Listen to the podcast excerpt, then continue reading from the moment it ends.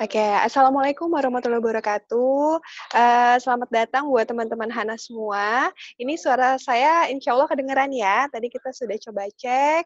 Eee, selamat pagi semuanya, selamat datang kajian Hana bulan April.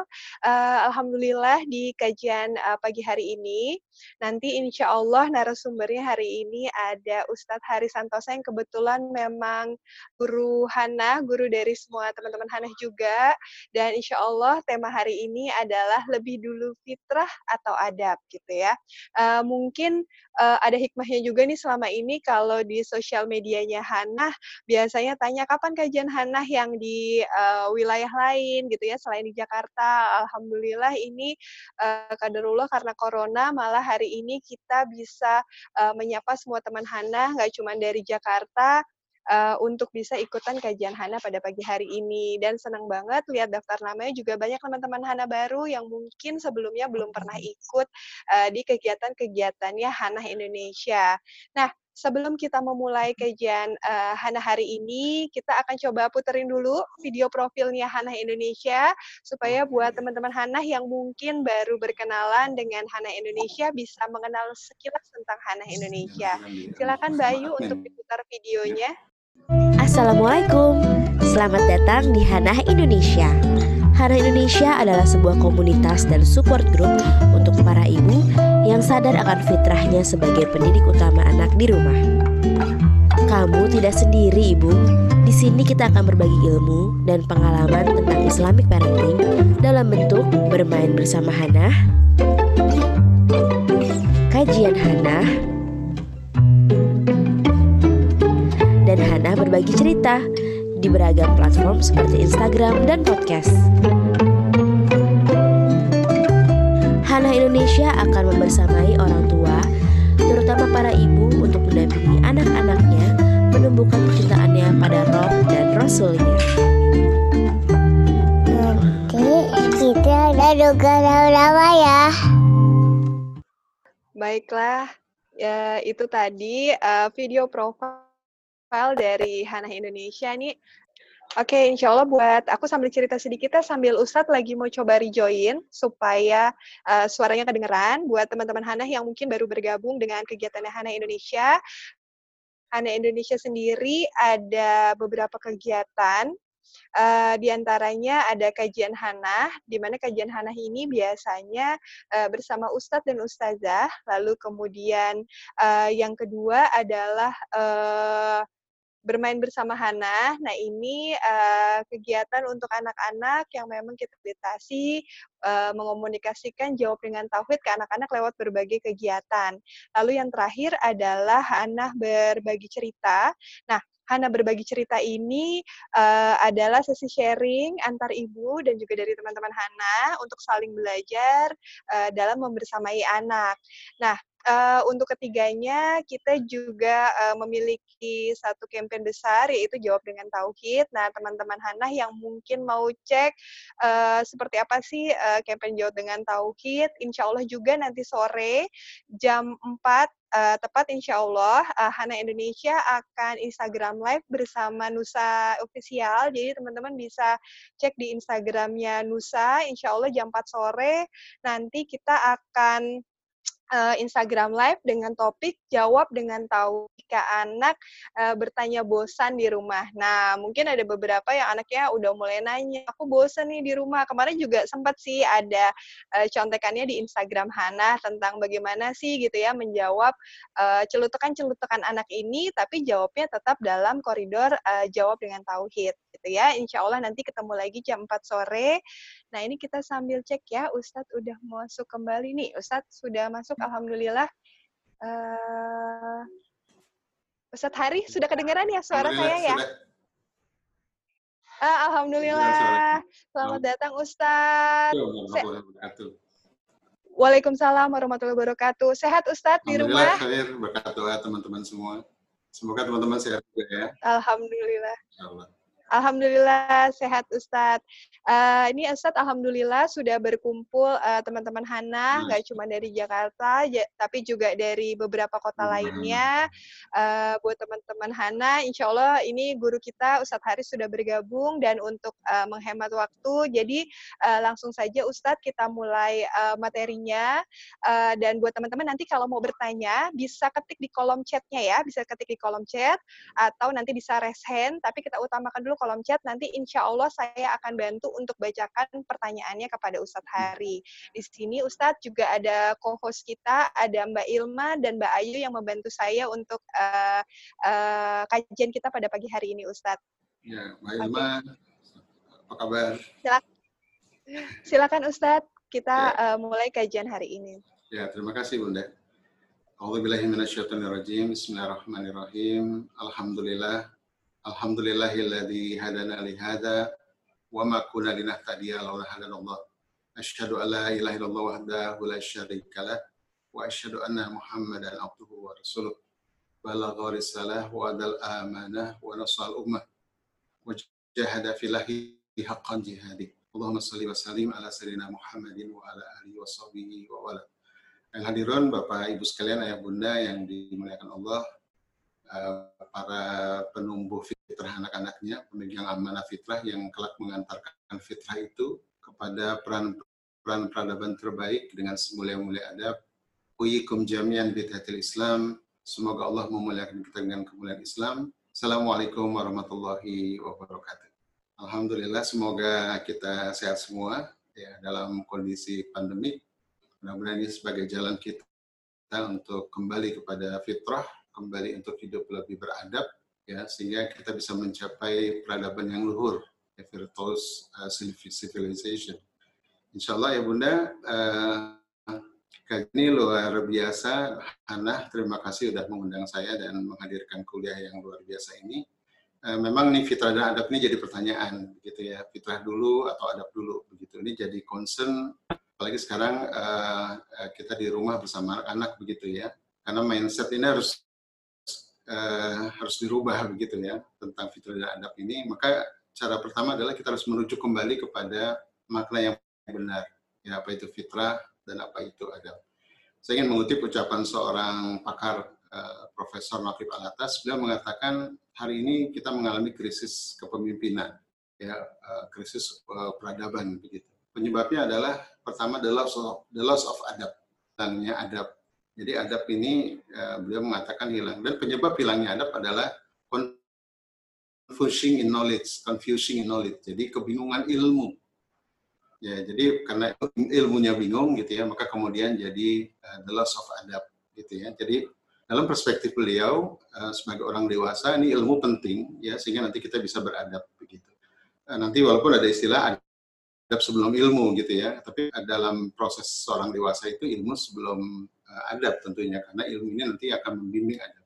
Nah ilmu ini sendiri tentunya bukan ilmu sembarang ilmu ya, tapi ilmu yang disandarkan kepada kitabullah. Ya, para pakar hari ini menyebutnya sebagai Islamic worldview, ya cara pandang kita tentang makna-makna kunci ya dalam kehidupan tentang makna Tuhan, ya makna tentang makna fitrah, human nature, makna prophet nature, makna nature, makna happiness, makna cinta begitu ya. Itu harus disandarkan kepada makna yang benar.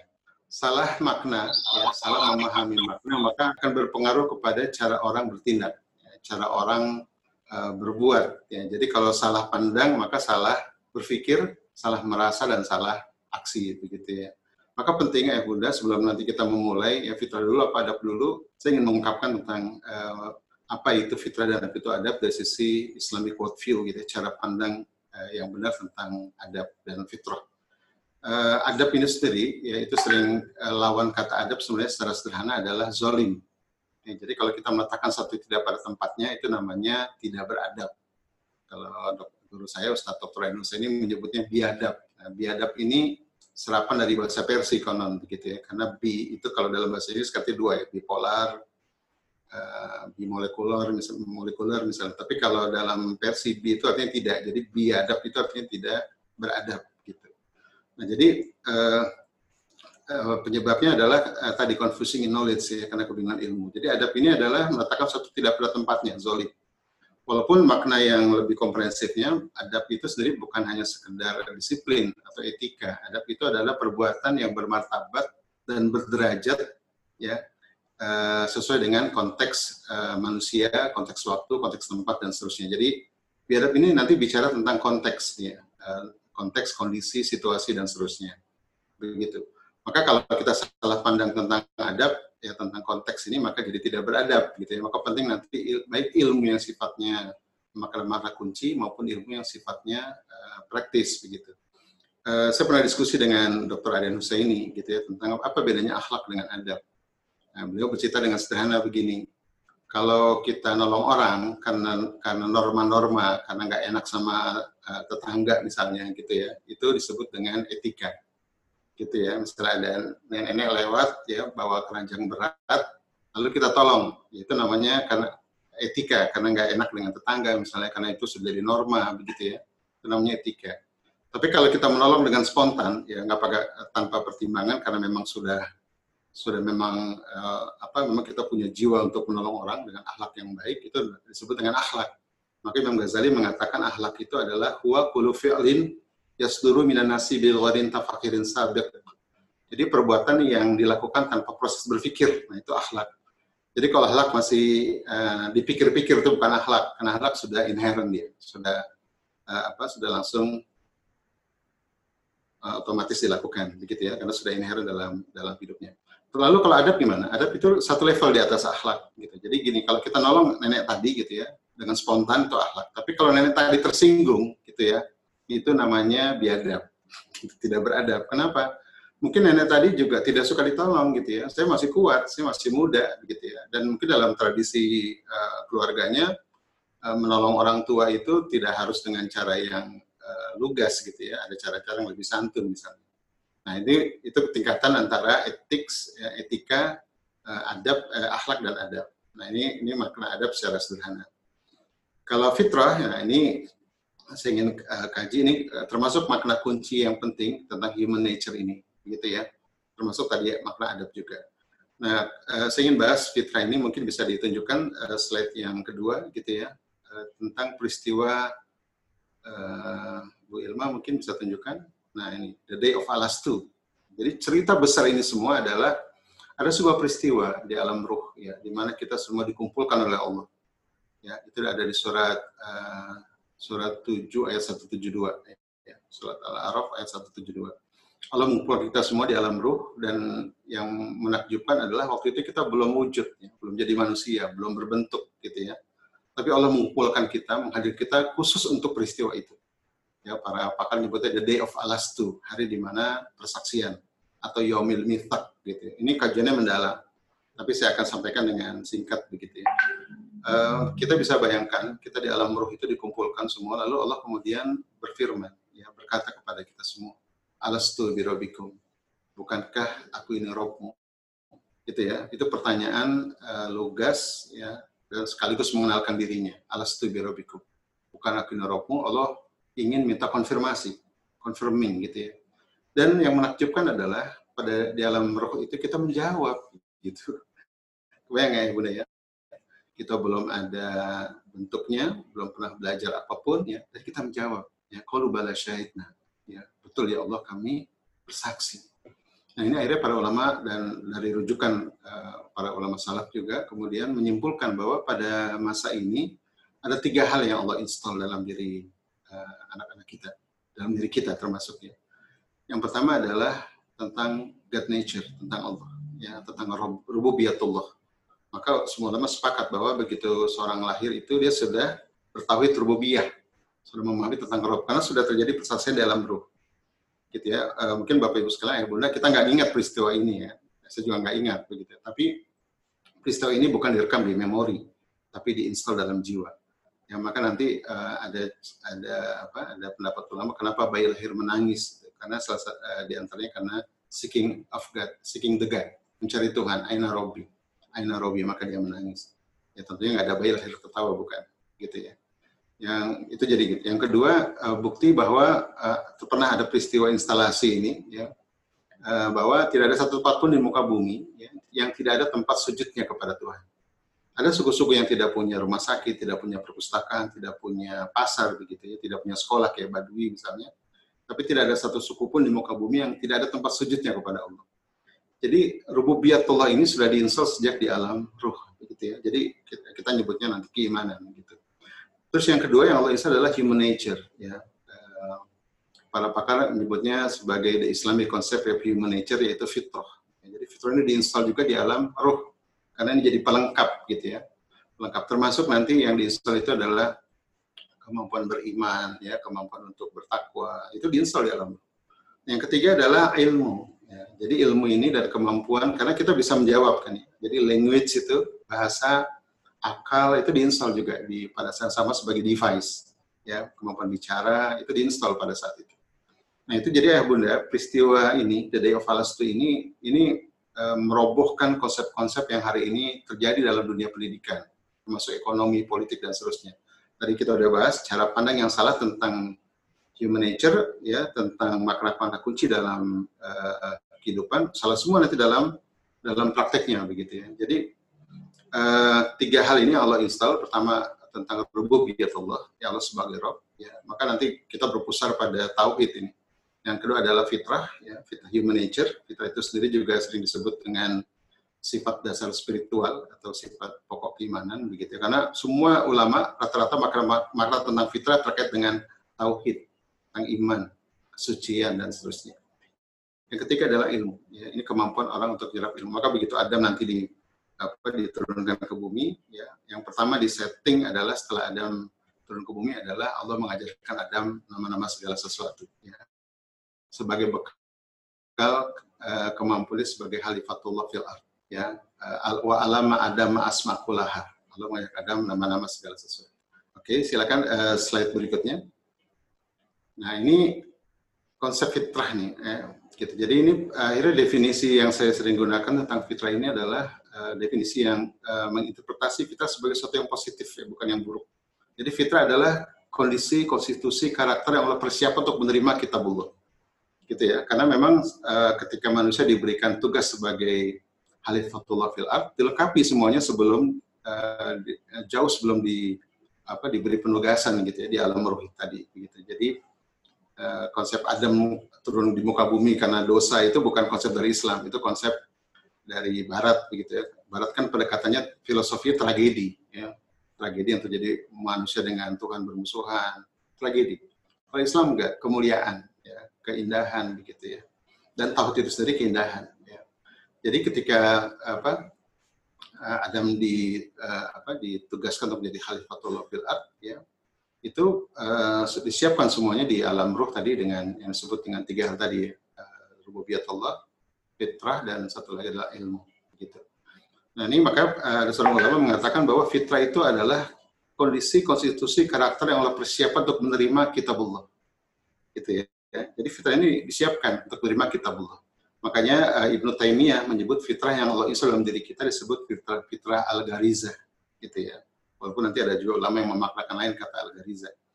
Uh, sementara fitrah, sementara kitabullah, gitu ya, yang memandu fitrah itu disebut dengan fitrah al-munazalah, ya, fitrah yang diturunkan. Ini uh, saya pernah uh, diskusi dengan Profesor uh, Fahmi Zarkasi, ya, cucuk diri Gontor, Eh, karena beliau mengutip di artikelnya, saya tanya, ini maksudnya apa? Uh, ada fitrah gariza, ada fitrah munazalah. Ya, beliau mengatakan dengan sederhana, karena keduanya kompatibel, begitu ya, kompatibel. Nah, jadi ayah bunda, kalau anak-anak kita ingin mudah menerima kitabullah, maka fitrahnya harus tumbuh dengan baik. Gitu ya. Dan adab itu adalah nilai-nilai yang diambil dari kitabullah. Nah, kira-kira mulai terbayang ya, bahwa ketika fitrah ini tumbuh, maka nanti adab itu mudah untuk masuk ya, ke dalam Eh, diri anak-anak kita. Karena dua-duanya kompatibel sama-sama cahaya. Kita itu cahaya kita belum tuh nur cahaya maka nanti cahaya bertemu dengan cahaya gitu ya. Nanti Allah memandunya oleh karena itu Bapak Ibu sekalian ayah bunda saya sering uh, ngambil contoh gitu ya. Contohnya apa sih? Fitrah dan kitabullah itu kompatibel uh, contoh paling sederhana saya sering ungkapkan adalah misalnya uh, salat subuh ya. Salat subuh itu syariah bukan? Syariah kan? Kitabullah itu ya sumbernya kitabullah salat subuh itu dan salat itu adalah adab terhadap Allah ya adab tertinggi kepada Allah itu adalah salat salah satunya nah begitu ya nah kemudian uh, salat subuh itu sendiri itu, itu adalah syariah Dan tapi perhatikan ya bunda, anak-anak kita sejak kecil itu ya coba saya pernah punya bayi ya jam 2 bangun, jam 3 bangun itu kenapa ceritanya? Karena anak-anak kita disiapkan untuk menerima syariah sejak kecil. Ya. Jadi bangun subuh itu, sholat subuh sudah diinstal kemampuan itu. Kalau hari ini orang tua mengeluh anaknya susah bangun subuh, ya uh, saya saya sering menyaksikan selama uh, apa stay at home ini ya, mungkin banyak terjadi kegaduhan di rumah-rumah keluarga Muslim. Kenapa? karena hari ini jadi uh, sholat subuh itu jadi pelan dunia pertama gitu ya. Selama ini kan mungkin terlewat ya karena memang masih sibuk sekolah, berangkat kantor, sholat. Tapi ketika di rumah ini jadi masalah gitu. Banyak orang tua mengeluh hari ini anaknya susah bangun subuh, padahal kemampuan bangun subuh itu diinstal sejak lahir. Nah ini jadi gambarannya seperti itu ya. Uh, mungkin slide berikutnya. Nah ini makanya ada seorang ulama mengatakan begini, yang murabi sejati, pendidik sejati itu adalah Allah Subhanahu wa taala. Ya, jadi Allah lah sang pendidik, sang murabi, yang sang muadib ya, yang memberikan uh, yang menterbiah dan mengadapkan ke Allah sebenarnya. Karena Allah lah Allah khalik yang telah menciptakan fitrah itu kata Allah. Ya. Dan Allah juga telah menyediakan jalan bagi fitrah itu untuk tumbuh, berkembang dan bekerja sesuai dengan tahapannya. Jadi Allah pertama ciptakan fitrah, yang kedua ciptakan jalan ya tahapan-tahapan gitu ya. Maka nanti kita lihat ya di syariah itu ada yang namanya tahapan-tahapan. Ya, dan sangat presisi misalnya perintahkan sholat sejak usia tujuh tahun bukan sejak dini. Itu yang bicara Rasulullah dan itu wahyu. Ya wa yang anilawa ila wahyu yang disampaikan Nabi dalam hadis itu juga wahyu sebenarnya. Nah begitu ya. Jadi perintahkan sholat sejak tujuh tahun Allah tidak mengatakan perintahkan sholat sejak dini.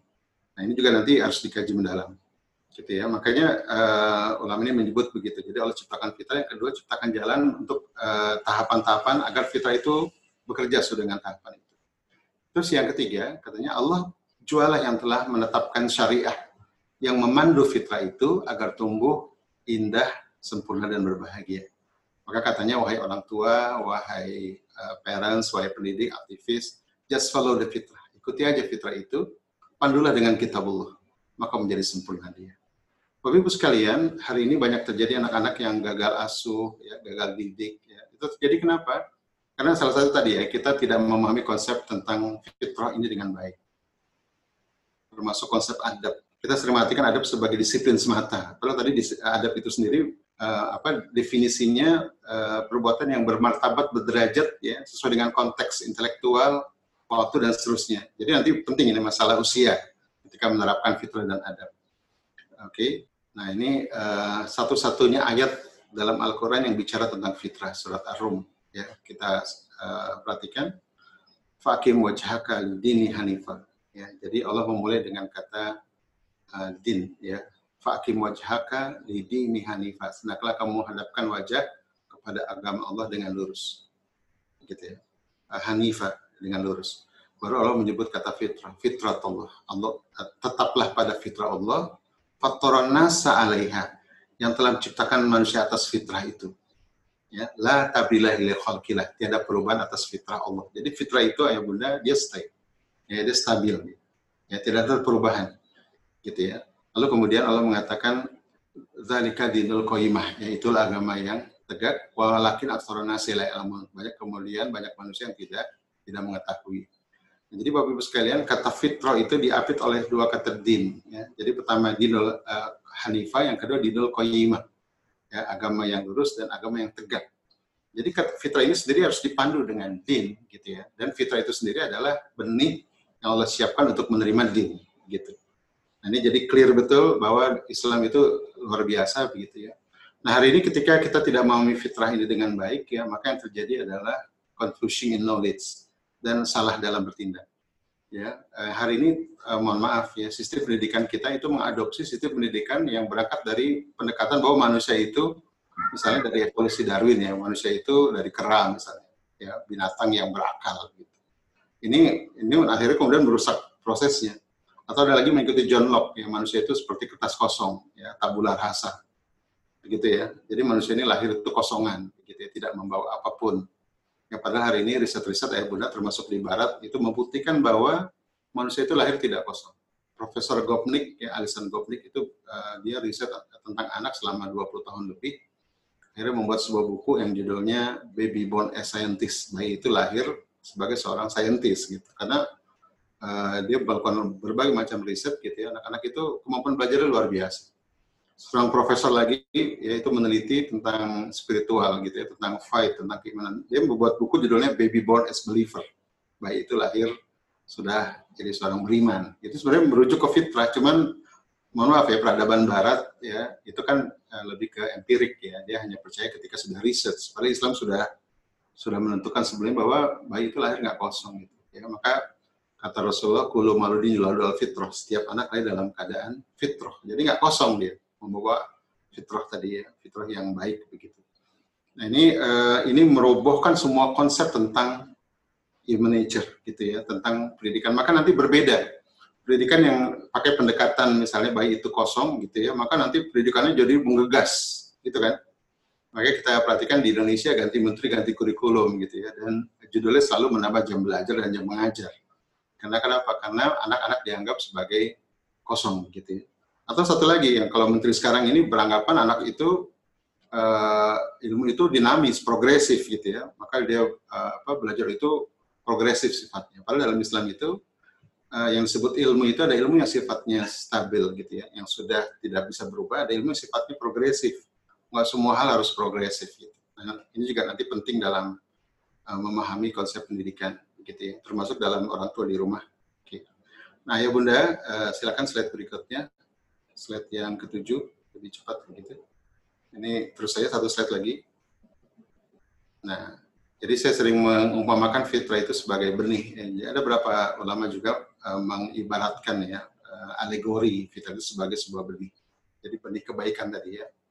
Uh, Profesor Dr. Muhammad Yasin menyebutnya sebagai innately predisposed to know God and to do good. Jadi manusia begitu lahir sudah diberikan benih yang secara bawaan uh, untuk mengenal Tuhan dan menjadi baik begitu. Maka saya sering menggambarkan sebagai sebuah pohon. Gitu ya. Dalam Al-Qur'an juga Allah gambarkan sebuah sajaratu toyibah, pohon akidah sebenarnya ini, pohon uh, akidah yang baik itu seperti pohon yang akar yang menghujam ke tanah, yang batang yang menjulang ke langit, ya, yang daunnya rimbun menaungi dan buahnya itu menebar rahmat bagi semesta.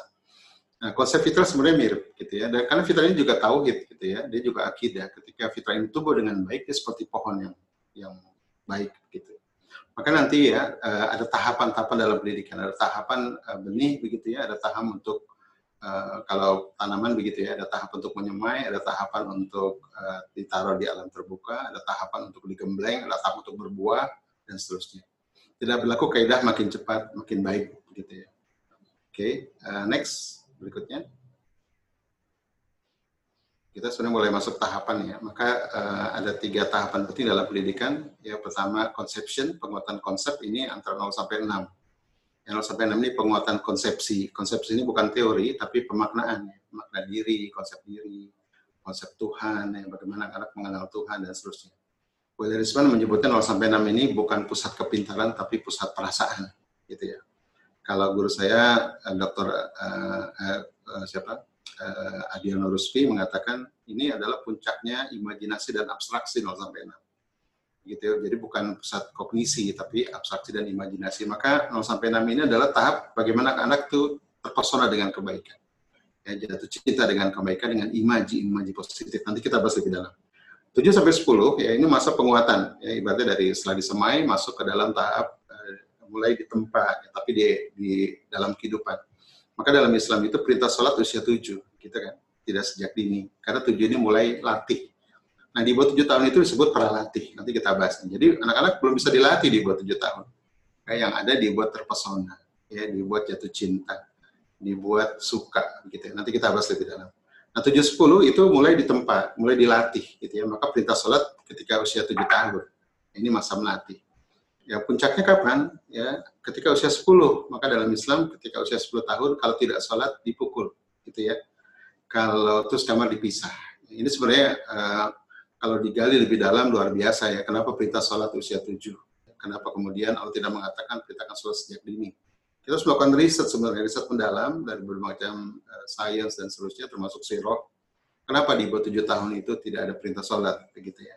Ini kan maknanya dalam gitu ya, karena memang tadi ya anak-anak itu bukan bukan dilatih di bawah tujuh tahun, ya bukan Nah, nanti adab juga begitu ya. Adab bukan dalam bentuk disiplin, adab dalam bentuk terpesona dengan kebaikan. Nanti kita akan bahas teknisnya. Uh, 7 sampai 10 ini tahap untuk uh, penguatan dari bergerak dari konsepsi menjadi potensi 7 sampai 10. Ya, maka nanti perintah sholat mulai 7 ini masa penguatan konsepsi eh, potensi. Gitu. Nanti usia 10 tahun diharapkan dua hal tadi ya. Kalau tidak sholat itu dipukul, itu maksudnya apa? Maksudnya ada waktu tiga tahun dari 7, 8, 9, 10 agar jangan sampai dipukul.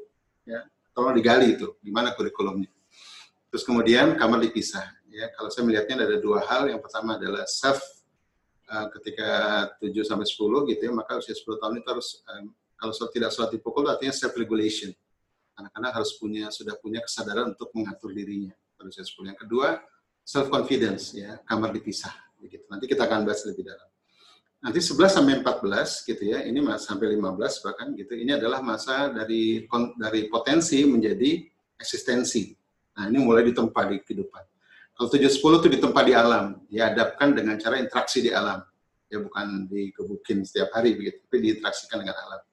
Karena alam ini jadi media terbaik ya untuk anak-anak muncul leadership-nya gitu ya. Adap-adapnya nanti akan tumbuh dengan baik di alam. Nah, 11 sampai 15 gitu ya, ini adalah di tempat di kehidupan. Nah, ini mulai ada lebih banyak masuk. Nanti kita akan bahas. Anak-anak mulai diadapkan ya dengan cara diinteraksikan dengan kehidupan nyata. Ya, Rasulullah sudah mulai magang berdagang ke Syam itu pada usia 12 tahun. Ya, dan kemudian sudah punya on bisnis pada usia 15-16 tahun. Nanti kita akan bahas ini. Jadi ayah bunda, tiga hal yang harus kita catat dalam fase perkembangan fitrah itu adalah konsepsi, potensi, dan yang terakhir adalah uh, eksistensi. Begitu ya. Uh, silakan slide berikutnya, langsung slide 11 saja. Slide 11, uh, eh, halaman 11. Nah, nah ini. maka ini saya ambil dari jurnal, dari jurnal uh, psikologi dari Muslim di uh, di apa Social Science di American American Journal of Islamic Social Science. Ya, ini membuat gambaran bahwa manusia itu tumbuh ada tahapannya, ada sunatullahnya. Tidak berlaku kaidah makin cepat makin baik. Ya anak-anak terlalu cepat diadapkan nanti jadi biadab gitu kan? Karena tadi adab kan harus sesuai dengan konteks intelektual konteks waktu dan seterusnya begitu ya. Maka di situ ada terlihat ya ada tahapan-tahapan yang memang nanti uh, eh, 15 ke atas itu semua ulama sepakat anak-anak 15 tahun sudah harus mukalaf ya. Jadi harus sudah dewasa. Gitu ya mandiri mukalaf itu bukan hanya wajib sholat wajib puasa tapi juga wajib zakat wajib haji wajib jihad wajib nafkah dan seterusnya begitu ya maka nanti semua ulama sepakat ya anak-anak umur 15 tahun sudah tidak wajib lagi dinafkahi. Kalau masih dinafkahi uh, itu namanya bukan nafkah tapi sodakoh karena statusnya fakir miskin. Ya, gitu. Jadi kalau guru saya itu dengan kata-kata yang pedas, buat apa kita taklif syari dari kecil, suruh ngapal Quran, suruh sholat, suruh puasa, tapi tidak kita mukalafkan ketika 15. Nah, jadi kurvanya itu kalau kita lihat kurvanya itu landai di 0 sampai 6, jadi penuh cinta, 7 10 penuh kesadaran, tahu iya, 11-14 baru ditempa lebih keras. Nah yang terjadi hari ini ayah bunda teman-teman sekalian 0 sampai 6 digagas gitu ya. Karena pengen buru-buru soleh gitu. Ya, maka nanti musuh dari fitrah itu dan adab itu dua. Jadi orang-orang yang tidak sejelas fitrah dan biadab itu dua. Pertama goflah lalai. Yang kedua lebay ya mengikuti hawa nafsu teman saya dengan bercanda kalau biasanya kalau yang lebay itu ibu kalau yang lalai itu ayah kalau ibunya lebay bapaknya lalai anaknya alay katanya jadi nanti ini penting ya tahapan ini. Ini kita turun terus, saya akan turun terus dari konsep sampai ke praktis begitu. Nah nih, jadi uh, kurvanya landai 0 sampai 6 penuh cinta gitu ya, 7 10 tadi penuh kesadaran, 11 14 penuh uh, aktivitas. Jadi mulai ayah tuh mulai tega. Gitu. Yang setelah terjadi itu kebalik begitu, 0 sampai 6 digagas, nanti begitu masuk SD mulai lemas gitu ya. Disuruh sholat susah, disuruh ngatur ini susah. Nah nanti 11 sampai 14 sudah ya, 11 sampai 14 baru mulai ditempa begitu ya. Mulai ditempa sampai agar kenapa 11 sampai 14 masa kritis, masa menempa, kenapa? Karena 15 anak-anak harus mukalaf. Ya, mampu memikul beban syariah, beban muamalah dan seterusnya. Apa yang terjadi kalau usia 15 dia belum dewasa, ya maka nanti terjadi turbulensi, ya. Anak-anak yang tidak dewasa pada waktunya, ya 15, 16, 17, nanti di atas itu akan mengalami yang namanya infantilization, pembocahan.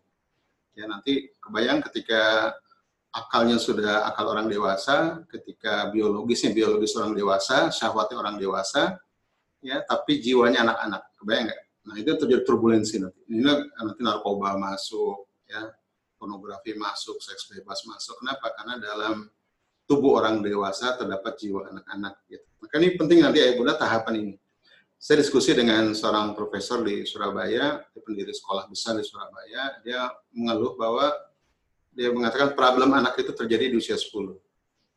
Kenapa anak-anak SMP, SMA itu liar katanya? Karena 10 nggak selesai. Kenapa usia 10 nggak selesai? Karena sampai 7 nggak selesai. Ya, karena dibawa. Jadi ada tahapan-tahapan harus berlanjut ya. ya. Seperti pohon tumbuh tadi. Kenapa anak, anak tidak berbuah ketika dewasa? Karena pohonnya tidak rimbun begitu ya.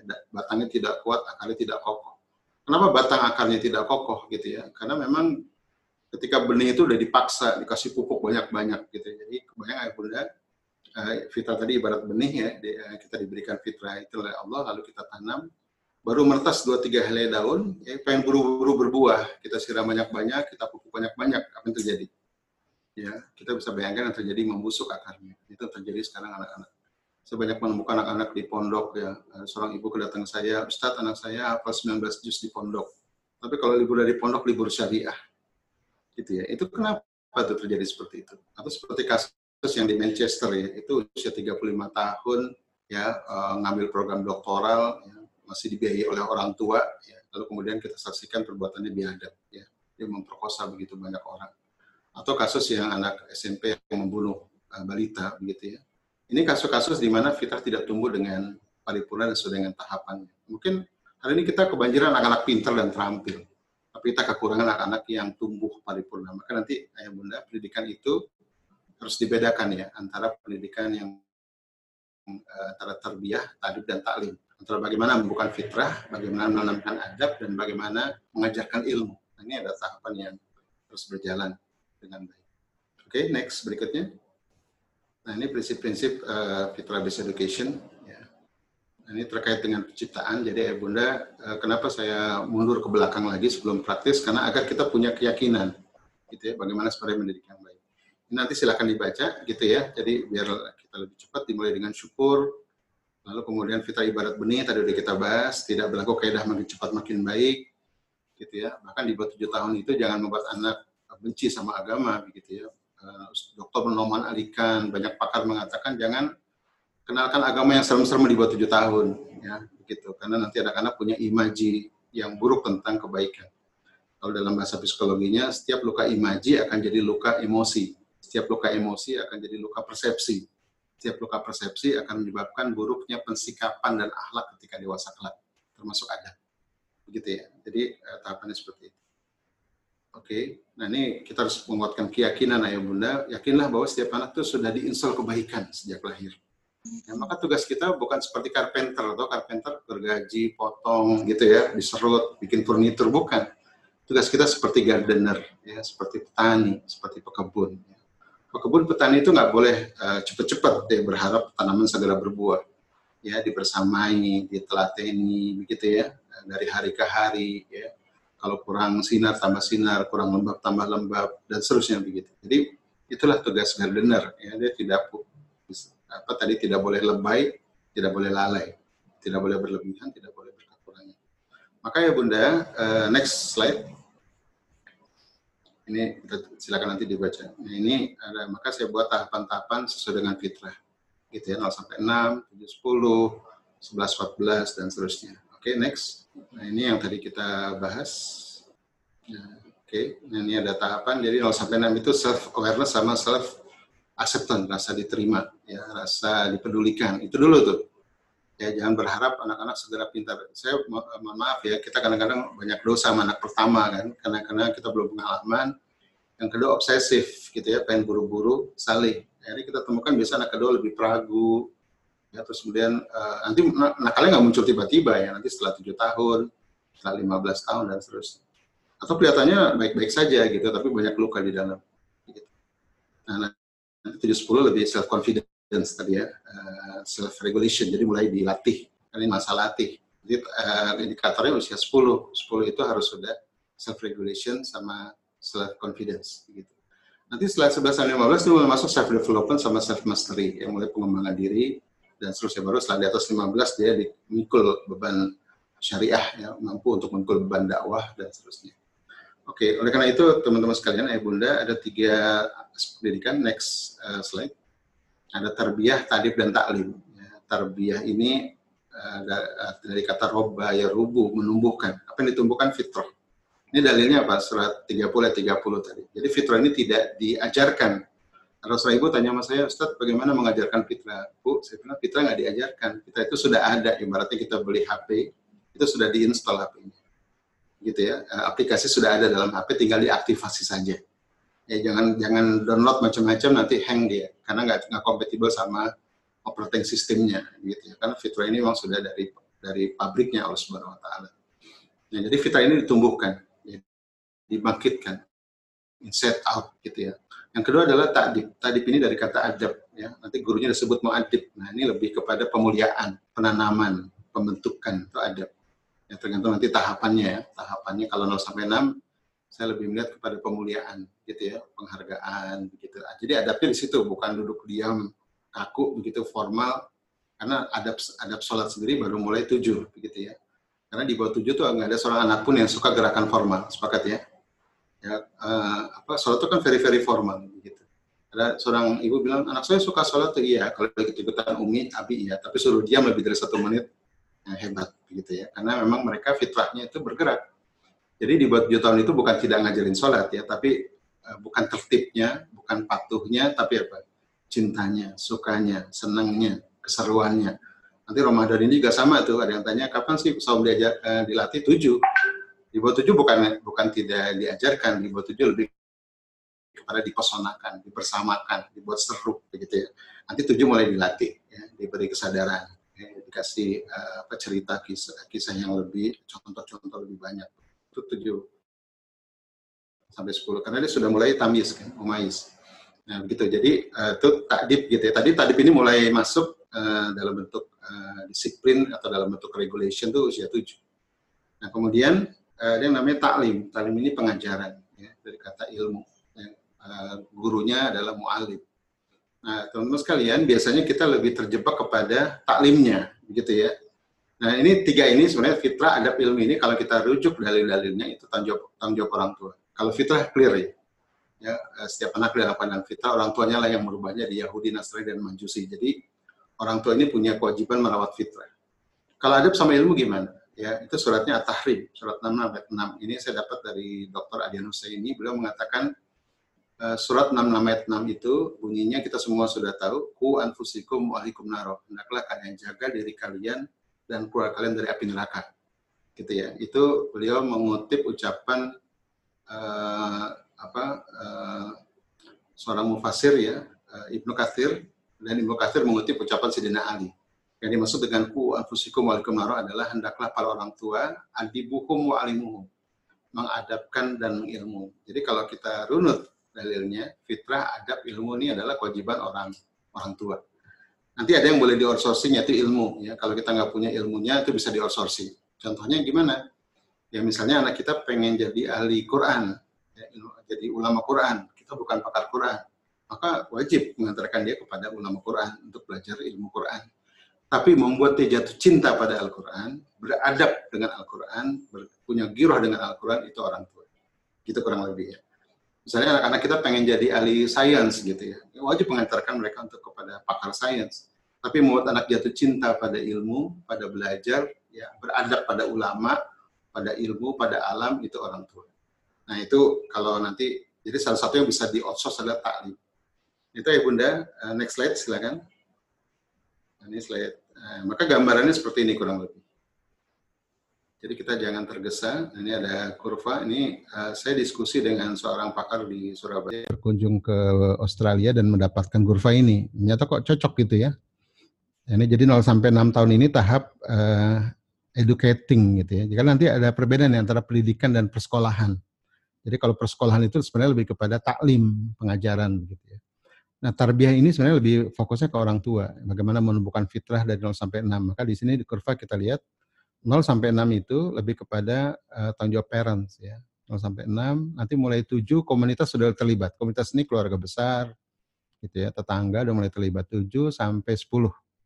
Ya, nanti 10 tahun ini mulai masuk sekolah nih. ya 11. Jadi masuk masuk taklim yang uh, yang mulai formal itu sebenarnya 10 ke atas begitu. Ya bukan berarti di bawah nggak ada ilmu ya, ada ilmu tapi ber, tidak terlalu formal. Nah, mulai formal sebenarnya 10 ke atas. Begitu ya. Ini kurva sederhana. Oke teman-teman sekalian, ayah bunda, bapak ibu sekalian, uh, next slide. Saya buat framework uh, di pendidikan berbasis fitrah. Ini uh, satu slide ini nanti di lebih dalam lagi ada di buku saya. Silakan nanti dilihat atau nanti saya share detailnya.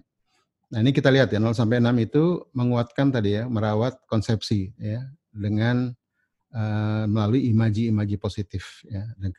Dengan cinta dengan seterusnya. Ya ini imaji positif tentang Allah tentang Rasul tentang dirinya tentang gendernya tentang ayah ibunya tentang alam tentang belajar. Jadi yang penting jatuh cinta dulu kalau di bawah tujuh saya sering tanya sama orang tua uh, kenapa ada anak yang suka jajan? Yang kira-kira kenapa tuh? Karena orang tuanya gagal membuatnya terpesona dengan makanan di rumah ya, selesai kan Ya, jadi ini masa membuat anak terpesona dengan sholat ya. Rasul maka Rasul membiarkan cucunya bermain kuda-kudaan di punggung beliau semata-mata agar cucunya itu terpesona dengan sholat begitu ya. Nah, kemudian 710 itu baru mulai uh, dari potensi dari konsepsi jadi potensi dengan banyak aktivitas.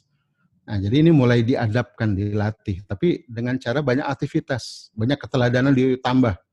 Ya, misalnya napaktilah sejarah, belajar sejarah Islam tuh nggak bisa lagi diceritakan kalau 710, dia harus napaktilah sejarah bertemu dengan Ustadz Salim Filah, berkunjung ke museum di Ponegoro, membedah buku tentang Janisari misalnya bersama Ustadz.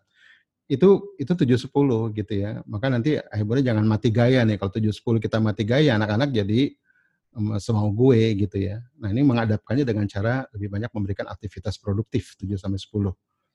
Nah 11 sampai 14 boleh masuk ke lebih apa eh, tahap eksistensi. Nah ini dengan cara di tempat dibukakan rekening, bikinkan paspor, libatkan bisnis lebih intensif gitu ya. Terus kemudian dikasih investasi itu uh, 11-14 sehingga nanti diharapkan 15 anak-anak kita sudah mukalaf. Ini kalau menurut syariah gitu ya, kalau kita ingin melakukan dengan baik. Nah, nanti proporsi adab, next slide terakhir, ini slide terakhir. Uh, silakan Bunda Ilma. Nanti ini ada teknisnya. Nah, ini slide terakhir. Maka saya buat ini ya uh, Nah, komposisi antara adab, fitrah, adab, dan ilmu. Nah, ini dengan dengan kita bisa lihat di sini, teman-teman sekalian. 0 sampai 6 ini pusat uh, untuk fitrah gitu ya. Karena fitrah baru tumbuh. Nah, adab ini sebagai contoh. Adab as a parent's value, begitu ya. Ilmu di sini belum masuk ya, karena ilmu itu udah pengajaran kan, outside in ini belum masuk ya. Dia baru masih cerita, kisah. Anak-anak menangkap bukan sebagai ilmu, dia menangkap sebagai kesan, sebagai imajinasi. 11 sampai 14 boleh masuk eh, 7 sampai 10 masuk adab sebagai perintah tadi ya, perintah sholat. Nah, ilmu sebagai konsep-konsep yang penting ini penting ya. 7 eh, sampai 10 mulai masuk nih. Kunci kata makna tentang bahagia, tentang dunia, tentang agama. Ya, agar anak-anak punya landasan kokoh ya kesadaran yang kokoh bahwa dia sholat itu bukan karena perintah semata ya, tapi karena memang alam semesta ini tunduk dan patuh kepada Allah Subhanahu wa taala misalnya.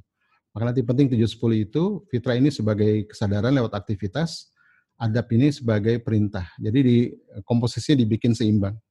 Nanti 11 sampai 14 nya adab lebih banyak ya agar karena diharapkan anak-anak adab sudah jadi self guide ya, sudah dari tadi kesadaran sekarang udah jadi inherent dalam dirinya. Maka nanti penting usia 10 ya sebagai batasan antara masa anak dengan masa pre akil balik atau masa pre mokalaf.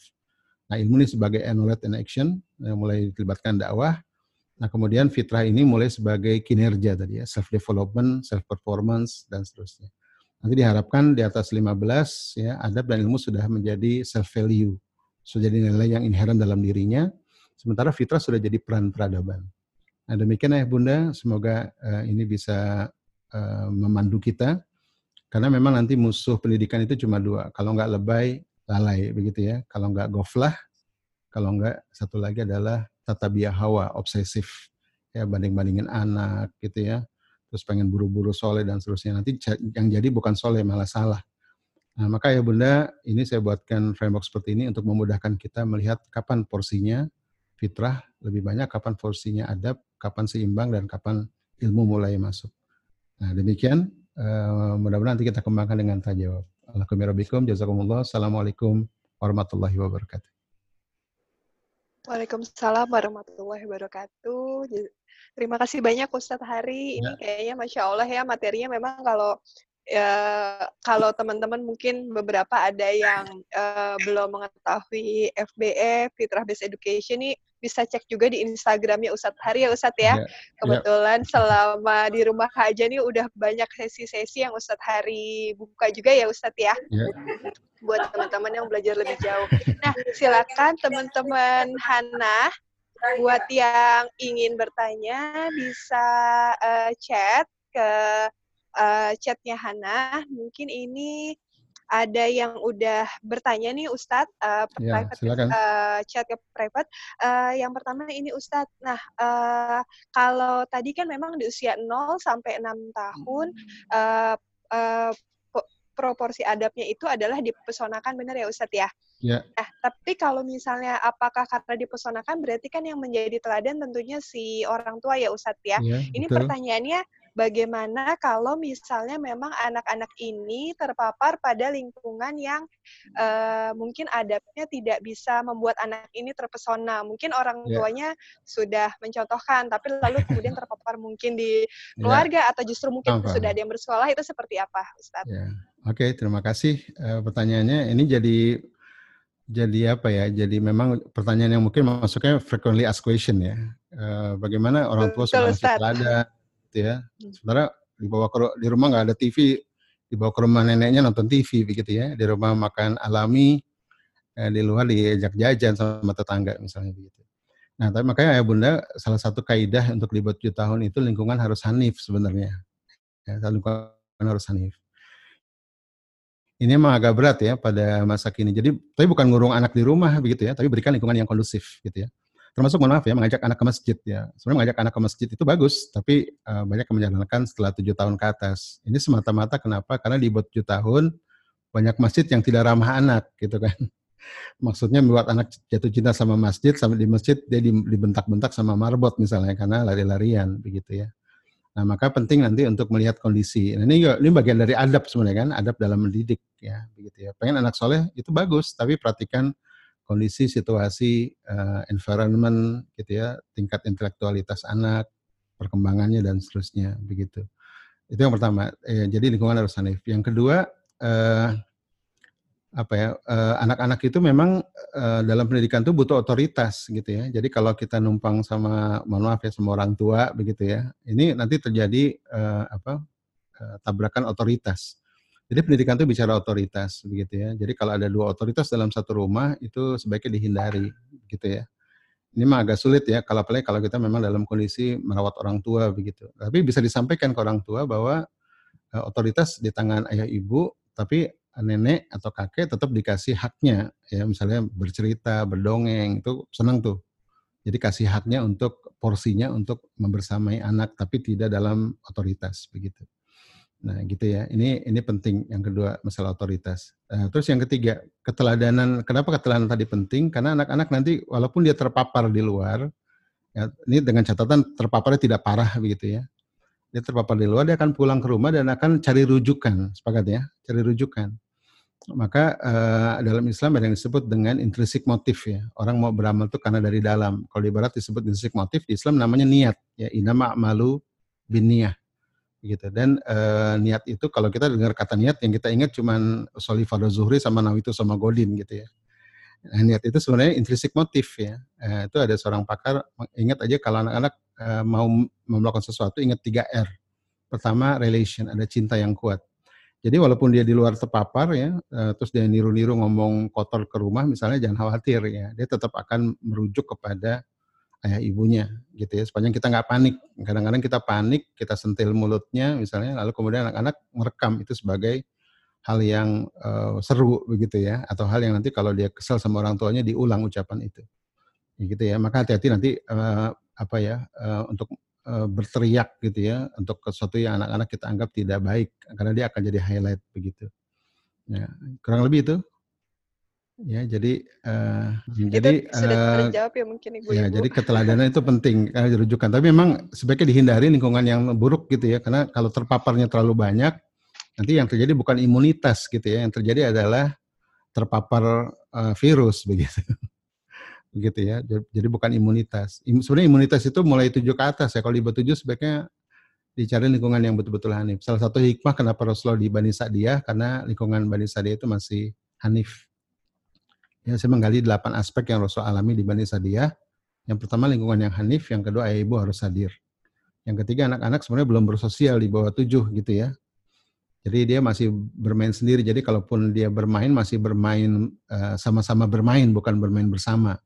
Karena rules aturan itu baru di atas tujuh. Jadi di bawah tujuh sebaiknya bukan dikurung, tidak tapi anak-anak sebenarnya belum butuh bersosial betul gitu ya. Sosial terbaik itu dengan ayah ibunya, bukan dengan lingkungannya sebenarnya. Nah kurang lebih itu ya. Mudah-mudahan bisa uh, menjawab. Masya Allah Ustadz ini menjawab sekali uh, pe uh, pertanyaan yang tadi. Nah ini Ustadz udah banyak banget nih uh, pertanyaan yang masuk. Semoga uh, kita uh, bisa menjawab semuanya ya Ustadz ya. Hmm. Ini berikutnya ada pertanyaan uh, Ustadz pada titik apa akhirnya orang tua boleh menggunakan marah sebagai cara mendidik anak? Apakah justru itu perlu atau tidak sama sekali gitu? Okay. Mungkin ini kaitannya erat juga uh, dengan ya, adab yeah, yeah. ya. Kadang-kadang orang tua yeah. sudah kayak pengen sekali menanamkan tapi akhirnya yang keluar marah. Nah itu gimana Ustaz? Ya. Jadi um, marah itu boleh, gitu. bukan berarti fitrah itu nggak boleh marah. Marah itu boleh, tapi yang nggak boleh marah-marah. Nah itu itu berbeda tuh. Yang marah-marah nggak jelas, maki-maki, menyakiti gitu ya, anak setan lo ya, gitu. Mohon maaf ya, gitu itu. Walaupun uh, pernah jadi debat ya, boleh nggak sih ngomong kata jangan sama anak? Ya bagi saya sebenarnya masalah redaksional gitu ya. Kalau masalah akidah ya boleh kata jangan, tapi dalam kondisi anak kalau dibilang jangan malah disengaja, sebaiknya cari redaksi yang lebih bagus, begitu ya, atau redaksi yang lebih bijak. Jadi masalah, jadi mendidik itu seperti berdakwah, ya nggak bisa uh, bicara akidah hitam putih. Ya harus bicara dengan konteks ya, konteks waktu, konteks tempat, konteks perasaan, konteks situasi itu. Jadi seperti berdakwah yang disentuh hati gitu ya. Jadi uh, karena memang dia bukan orang dewasa, begitu ya. Nah gitu uh, ibu, apa bunda ya. Jadi uh, apa uh, penting ya untuk uh, membuat anak-anak itu uh, apa uh, apa tidak sakit jiwanya. Jadi marah itu bukan nggak boleh, boleh yang nggak boleh marah-marah. Terus yang kedua jadikan energi marah sebagai aktivitas produktif. Misalnya tunjukkan aja bunda nggak suka nih kamu ini, tapi bukan bukan nggak suka sama anaknya, nggak suka dengan perbuatannya, dengan jelas sebutkan. Bunda nggak suka kamu kotor-kotor misalnya gitu ya. Yuk sama bunda kita ke taman bermain gitu ya. Kadang-kadang anak-anak itu nakal bukan nakal sebenarnya karena potensinya tidak tersalurkan ya, gitu atau jeritan hati yang tidak ketemu jalan keluarnya. Misalnya gini, kenapa sih anak-anak kalau di rumah anak usia dini terutama ya, itu manjat-manjat tralis, manjat-manjat bupet gitu. Itu kenapa? Yang salah siapa sebenarnya? Ya, yang salah orang tuanya, rumahnya kurang luas gitu ya. Maka anak-anak sebenarnya harusnya di alam dia, interaksi di alam, di taman, bukan di rumah gitu ya. Jadi jangan mati gaya gitu ya. Justru kita jadi sehat karena punya anak. Nah, jadi gitu ya. Jadi uh, jadikan energi marah itu sebagai yang uh, produktif. Jadi pertama tidak menyakiti perasaan gitu ya. Yang kedua jadi energi positif gitu ya. Yang ketiga uh, kalau kita nggak suka gitu ya, sebutkan kebaikan dulu. Misalnya anak naik ke meja, sebutkan yang basiro dulu baru nadiro. Nah, ya, Bunda nggak suka kamu naik ke atas meja ya. Kaki untuk apa, Nak? Nah, kaki itu untuk ke masjid, untuk apa sholat gitu ya, untuk bermain bersama ayah gitu ya. Meja untuk apa, Nak? Meja untuk uh, makan, untuk menulis gitu ya. Jadi sampaikan dulu basyironya gitu ya, baru nazironya, baru peringatan nanti kamu jatuh. Nah, nah, itu memang perlu latihan ya, perlu latihan. Karena kita biasanya panikan apalagi mohon maaf ya kalau anak itu uh, umurnya deket-deket ya uh, adiknya masih tiga bulan kakaknya dua tahun kakaknya lagi empat tahun. Nah ini udah udah kacau balau di rumah begitu ya. Karena memang masing-masing nanti uh, perlu perhatian lebih. Nah ini nanti pentingnya peran ayah gitu ya peran komunitas karena nanti didik anak nggak bisa sendiri sebenarnya. Kalau dulu kakek, nenek, paman, bibi, kakak ikutan gitu ya. Kalau sekarang enggak kan, pasangan muda biasanya tinggal di pinggiran ya, keluarga jauh di kampung, di desa begitu. Suami bekerja berangkat gelap pulang gelap ya, kita bersama anak di rumah sendirian. Nah, ini nanti menambah tingkat stres yang yang parah sebenarnya. Maka nanti penting berkomunitas. Bagaimana membangun komunitas secara bersama bisa saling bergantian sebenarnya atau saling menitipkan. Nah, ini strategi-strategi sebenarnya untuk menghindari marah-marah gitu ya. Nah gitu. Kalau sudah disampaikan seperti ini masih marah-marah juga, nah itu ibunya perlu di apa dicek tuh, kenapa suka marah-marah tuh. Ya apa kurang kurang dibelai misalnya apa spirit uh, sholatnya kurang tuh manina apa merasa bakatnya tidak tersalurkan, apa merasa hidupnya kurang indah, apa kurang olahraga, atau makan kurang bergizi, atau kurang traveling, atau kurang me time, itu nanti perlu dicek ibunya. Kalau setelah tahu ilmunya masih marah-marah, itu ada masalah dari keji- eh, dari fitrah ibunya atau fitrah ayahnya. Demikian. Masya Allah Ustadz, ini Ya. pas banget ya, jangan-jangan harusnya nih topik marah-marah ini bisa jadi satu topik kajian sendiri ya Ustadz ya. Iya. Tapi bener sih Ustadz mesti latihan, jadi kayaknya kalau tiap habis Iya. eh, datang sesi gini kan sebenarnya kita jadi diingatkan kembali ya Ustadz ya, Ya. untuk banyak latihan tadi. Nah Ustadz nih menyambung juga dengan yang tadi penjelasan Ustadz, ada juga pertanyaan yang masuk adalah begini Ustadz, apakah kita harus menyelesaikan apa yang belum selesai dengan diri sendiri? Ini yang bertanya Ibu, bagaimana mungkin Hmm. kalau fitrahnya belum selesai atau urusan Hmm. dengan diri sendiri belum selesai. Nah, itu bagaimana Ustadz? Apakah Ya. memang harus menyelesaikan dulu? Apa bisa sa- sambil membersamai anak? Seperti apa Ustadz? Ya. ya baik, terima kasih pertanyaannya juga ini frequently asked question nih, yang sering ditanyakan.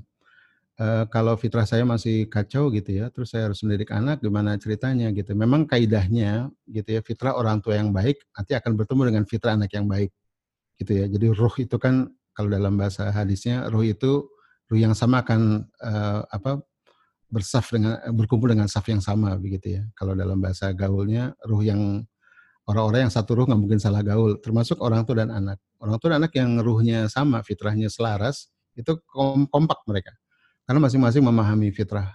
Eh, Karena anak-anak itu fitrahnya baik ya, pada dasarnya anak-anak baik. Maka nanti ada konsep nggak ada anak nakal ya, yang ada adalah potensi yang belum nampak buahnya atau jeritan hati yang belum ketemu jalan keluarnya, begitu ya. Nah, jadi kalau ayah eh, bunda merasa fitrahnya belum baik, nggak usah khawatir gitu. Justru anak itu karunia, ya anak itu justru karunia untuk memperbaiki fitrah kita. Ada kaidah yang disebut raise your child, raise yourself. Kalau kita punya anak gitu ya dan kita menumbuhkan fitrahnya, maka kita akan tumbuh fitrah kita. Saya pernah bikin pernah bikin puisi tentang ini ya. Coba eh, kamu tumbuhkan cinta anakmu pada Tuhanmu, maka kau akan temukan cintamu pada Tuhanmu coba kau perhatikan fasilitasi eh, sifat unik, hargai sifat unik anakmu. Nanti kau temukan sifat uni- unikmu apa, bakatmu apa, begitu. Coba kau gairahkan anakmu untuk belajar lebih bersemangat, maka kau temukan dirimu bergairah kembali untuk belajar. Jadi kurang lebih begitu. Jadi ketika kita mencoba untuk eh, menumbuhkan fitrah anak, fitrah kita dengan dengan baik akan tumbuh, eh, dengan selas akan tumbuh. Tapi memang perlu ya ayah bunda di sesi-sesi yang ketika kita tidak bersama anak kita melakukan tazkiyatun nafs ya, eh, pensucian jiwa. Ya tazkiyatun nafs itu kalau nanti kita bahas sendiri ini ada 5M nih. Eh, pertama mu- eh, muahadah, mengenang kembali maksud pernikahan, maksud kita diciptakan gitu ya. Anak-anak yang diberikan kepada kita gitu ya. Eh, mungkin ayah bunda di sini siapa yang merasa pernikahannya kebetulan angkat tangan. Ya nggak ada pernikahan yang kebetulan bukan gitu ya. Ketika dipertemukan dengan pasangan itu pasti ada maksud Allah di balik ini semua. Siapa yang merasa punya anak kebetulan? Nah, anak mungkin kita nggak merencanakan punya anak, tapi Allah berikan kita anak.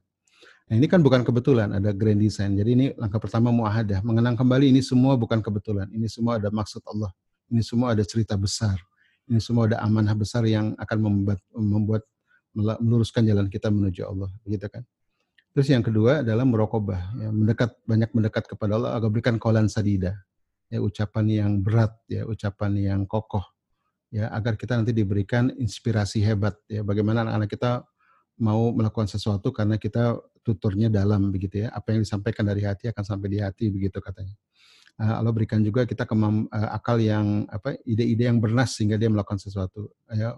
Kemudian akhlak yang pantas sehingga anak-anak mau meniru. Itu kan semua dari Allah maka minta saja kepada Allah ya. Karena ini titipan Allah maka mintalah kepada Allah gitu ya. Dan uh, jadi orang tua memang nggak ada yang sempurna begitu ya. Dan kita memang sepanjang ini harus menyempurnakan terus menerus begitu. Di Al-Quran ada seorang uh, orang uh, ayah yang bukan nabi bukan rasul tapi didik anaknya keren yaitu siapa? Luqman al-Hakim kan itu kuncinya ada di surat Luqman ayat 12 walaqad atayna Luqman al-hikmata anishkurillah dan sungguh kami berikan Luqman itu hikmah yang banyak karena anishkurillah karena banyak bersyukur jadi syukur ini bukan menerima apa yang ada, tapi menggali maksud Allah di balik ini semua. Nah, jadi penting untuk melakukan observasi, ya tadi merokobah dan seterusnya. Terus yang ketiga adalah uh, muasabah, ya kita men-tracking kehidupan kita selama ini. Apa yang salah dari kehidupan kita? Uh, masih punya apa dosa-dosa barangkali begitu ya dengan orang tua masih menyimpan benci dengan mertua ini mengganggu perjalanan terus terang jadi muasabah itu tracking your life ya sisi mana dari delapan fitrah Kita belum bahas fitrah ya. Delapan dimensi hidup itu dari spiritual life, work life, family life, social life, dan seterusnya mana yang belum selaras dengan uh, kita belum apa belum merasakan kepuasan batin begitu ya. Itu nanti mengganggu perjalanan. Itu tracking your life muasabah. Yang keempat muakobah. Muakobah ini getting unstuck gitu ya. Coba diteliti mana yang jadi obstacle ya, mana yang menghalangi perjalanan ini semua. Nah, obstacle ini harus di, segera diselesaikan. Ya, tadi kenapa eh, rasa marah itu tidak bisa tuntas? Apa ada trauma di masa kecil? Ya, apa ada salah pengasuhan di diri kita? Itu juga penting ya kita lakukan. Terus yang kelima adalah mujahadah. Mujahadah ini sungguh-sungguh untuk meranc apa? Untuk kembali kepada fitrah kita, menyambut fitrah kaya bulan kita. Sambut saja fitrah itu, maka nanti Allah akan berikan semuanya seperti Luqmanul Hakim. Ada kaidah sederhana mengatakan gini, Allah tidak akan memanggil mereka yang mampu, tapi Allah akan memampukan mereka yang terpanggil. Nah, kurang lebih itu ya. Jadi raise your child, raise yourself. Yang kedua adalah sambut saja panggilan itu dengan syukur yang banyak dan lakukan tazkiyatun nafs. Gitu Buddha? Mudah-mudahan bisa Masya Allah, membantu. Ustadz. Jadi uh, maju terus ya Ustadz, insya Allah Allah sudah Oh iya. kita ya Ustadz ya. Ya, ketika diberikan anak kan bukan kebetulan. Ya. ya kan, itu pasti Allah bekalkan semuanya. Terima kasih Ustadz. Nah ini juga ada Hmm. pertanyaan yang bagus Ustadz. Mungkin karena memang eh, ini eh, kebetulan pesertanya ada ibu-ibu, ada bapak-bapak, tapi kemudian ada ibu-ibu ada yang bertanya. Nah ini ada beberapa pertanyaan masuk serupa. Coba saya rangkum bagaimana menyamakan visi eh, dengan suami. Kalau tadi anak di bawah tujuh tahun itu kan memang harus dipesonakan. Sedangkan kalau menurut suami eh, ya lebih baik terbiasa dulu gitu ya. Nah itu Lebih apa? bagaimana Ustadz eh, terbiasa dulu gitu Oh, iya. sebelum dipesonakan tadi gitu ya mungkin Ya. eh, nah itu bagaimana menyamakan visinya dengan suami dan bagaimana sebenarnya berkomunikasi karena kan juga Hmm. kita memang sebagai istri harus taat kepada suami seperti itu. Ustaz. Oke, terima kasih. Ya, memang eh, menyamakan visi mendidik, visi kan ru'yat ya, cara pandang kan. Maka harus disamakan dulu cara pandang tentang manusia, gitu kan. Bagaimana memandang human nature. Eh, kata pembiasan itu sebenarnya berangkat dari cara pandang barat tentang manusia, gitu ya. Itu eh, ilmu psikologi modern hari ini berubah dari ilmu jiwa jadi ilmu perilaku, behavior. Karena mereka nolak jiwa kan, psike kan jiwa. Karena mereka nolak jiwa, ya maka mereka menolak adanya fitrah, begitu kan. Maka ilmu psikologi modern berubah jadi ilmu perilaku, behavior. Maka muncullah kata pembias, pembiasaan, stimulus gitu ya. Itu sebenarnya itu behavioristik bukan dari Islam gitu ya. Dalam Islam itu amal dipicu bukan dengan pembiasaan. Saya ingin eh, bertanya, apakah anak yang dibiasakan sholat tadi kecil ketika besar sholat? Siapa yang menjamin kan? Pembiasaan itu bisa berubah gitu ya. Ketika ada ada hal yang lebih menarik itu bisa berubah pembiasaan. Mungkin dia sholat ketika besar tapi robotik mekanistik banyak begitu ya. Jadi kata pembiasaan ini drilling itu bukan dari Islam itu ya. Kata pembiasaan bukan dari Islam. Pembiasaan itu boleh tapi diawali dengan kecintaan, mahabbah. Maka tadi ya dalam Islam itu amal itu dipicu ya itu dengan niat kan inama amalu biniyah. Niat itu intrinsik motif. Maka ya Bunda kalau kita apa teliti semua kitab-kitab klasik Islam bab satu berisi bab niat. Sepakat ya? Mau bicara hadis, bicara tafsir, ya bicara apa bab satu pasti bab niat gitu. Kenapa begitu pentingnya niat dalam hazanah Islam? Karena niat itulah yang memicu orang untuk beramal ya. Kalau kita niat tadi kan eh, kadang-kadang definisi niat itu sebatas eh, untuk ibadah ritual ya. Kalau niat itu adalah motif terdalam, intrinsik motif yang membuat orang beramal dengan permanen. Maka tadi tiga belum selesai. Pertama relation, yang kedua relevan, yang ketiga adalah reason. Anak mau beramal kalau tiga R. Ya. Pertama apa? Uh, relation, ada cinta yang kuat. Maka saya lihat di Timur Tengah anak-anak yang berhasil jadi ikut hafiz itu karena yang menghafizkan ayahnya gitu ya. Karena ada relation yang kuat. Anak-anak mau melakukan suatu amal kalau ada cinta. Sepakat ya? Ada ikatan yang kuat. Sama, kita juga begitu sebagai manusia. Kalau kita ada ikatan cinta dengan guru kita, dengan orang yang kita hormati, kita mau patuh padanya. Sepakat ya? Sama anak-anak juga begitu. Ada relation. Yang kedua ada relevan. Relevan dengan profilnya, dengan sifat uniknya, dengan minatnya gitu. Jadi anak-anak mau beramal kalau yang diberikan kepada mereka adalah sesuatu yang relevan dengan usianya gitu. Ada seorang ibu bilang, Ustadz katanya belajar itu fitrah ya. Betul ya. Terus saya bilang, kok anak saya nggak suka belajar? Gitu katanya. Saya tanya, usia berapa bu anaknya? Dua setengah tahun. Gitu. Belajar apa? Calistung. Ya iyalah. Tidak relevan dengan usianya, tidak relevan dengan objek belajarnya gitu kan. Jadi fitrah ini harus relevan. Itu penting gitu ya. Maka saya melihat juga ya kenapa eh, anak-anak yang hafiz itu yang ayahnya menghafizkan itu berhasil. Kenapa? Ayahnya paham betul profil anaknya. ada anak yang kapan dia letih ya dan kecepatannya gimana gitu. Kalau kita kan anak hafiz Quran itu dititipkan sama orang lain begitu ya. Eh, yang tidak paham tentang profil anak kita, eh, apalagi tidak ada ikatan begitu. Ada yang terjadi apa? Mungkin hafal Quran tapi benci Quran. Banyak terjadi hari ini begitu ya. Nah, terus kemudian yang ketiga adalah reason. Reason ini untuk di atas tujuh tahun ya, alasan kenapa melakukan itu ya. Nah, reason ini sebenarnya lebih banyak dipicu oleh misi keluarga gitu ya. Keluarga ini mau dibawa ke mana, ayah berbuat seperti apa, nah anak-anak akan melihat. Kalau itu reasonable baginya, oh ayah melakukan, ya, ibu melakukan, dan ini jadi perjuangan bersama, dia akan melakukan. Jadi ingat tiga R ya, pertama apa? Relevan, eh, relation, yang kedua relevan, yang ketiga adalah reason. Nah inilah yang memicu intrinsik motif dari dalam. Dan itu dilakukan Rasulullah SAW.